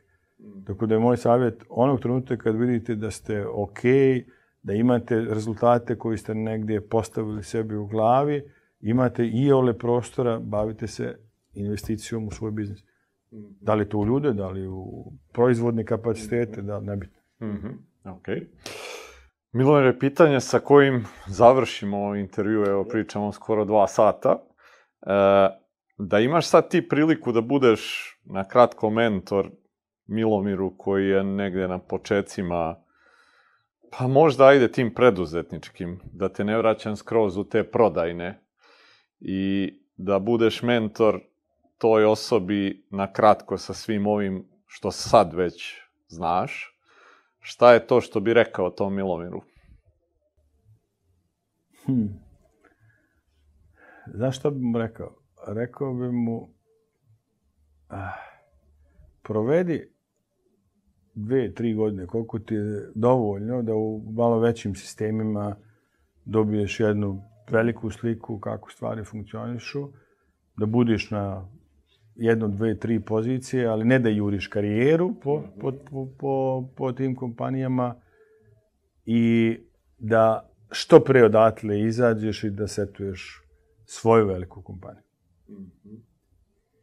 Odnosno, preduzetničku firmu koja će da evaluira i da raste i da funkcioniše. Eto, to bi mu rekao. Da ukrade to neko znanje od tih velikih. Ja sam proveo dosta vremena, aj nazovimo radeći za, za druge. Odnosno, svesen sam bio, ali bilo već, nije bilo kasno, ali okej, okay, ne želim se, ja, zato iskustvo ogromno, sve to stoji. Ali to je ta komfortna zona, koja ti nikako nije dala a, opciju da presječeš ili da izađeš da kažeš, čekaj, ali dosta. Sad ja pravim za sebe nešto. I to je zamka mnogih ljudi. Mnogi. I, I zadovoljavaju se s tim, ne izlaze iz te komfort zone, a u stvari, samo kad se okreneš, čekaj, sad ima već 50, 60, mm -hmm. too late. Mm -hmm. Da bi poslušao taj Milomir savjet? Da, da. Da. Pa, ne znam da bi, sad, da bi ga sad poslušao. Mm -hmm. o, dobro pitanje. Znaš, morao bi me neko u komfort zonu da izbije van. To mi, to mi, to mi je bio rak rana. Mm -hmm. Ili nisi imao dovoljno hrabrosti u tom trenutku. Ali opet ja moram vratim sebe. Znači, imao sam taj period 90-ih, da, nesretnih da. i ostalo, onda je to bilo, kako kažem, dosta izazovno. A u stvari, kad pogledam naš iz ove perspektive, Mogu sam ja to da napravim paralelno. Mhm. Nisu treba neke investicije. Znaš, pare se nekako negdje i nađu. Mhm. Bitna ideja je dobra i da je dobro realizuješ u praksi. Mhm. Mhm. Znaš, ali ti isto u stvari radio i sve to u tržište, ali za, za, za, za nekog drugog. ne? Mhm. Mhm.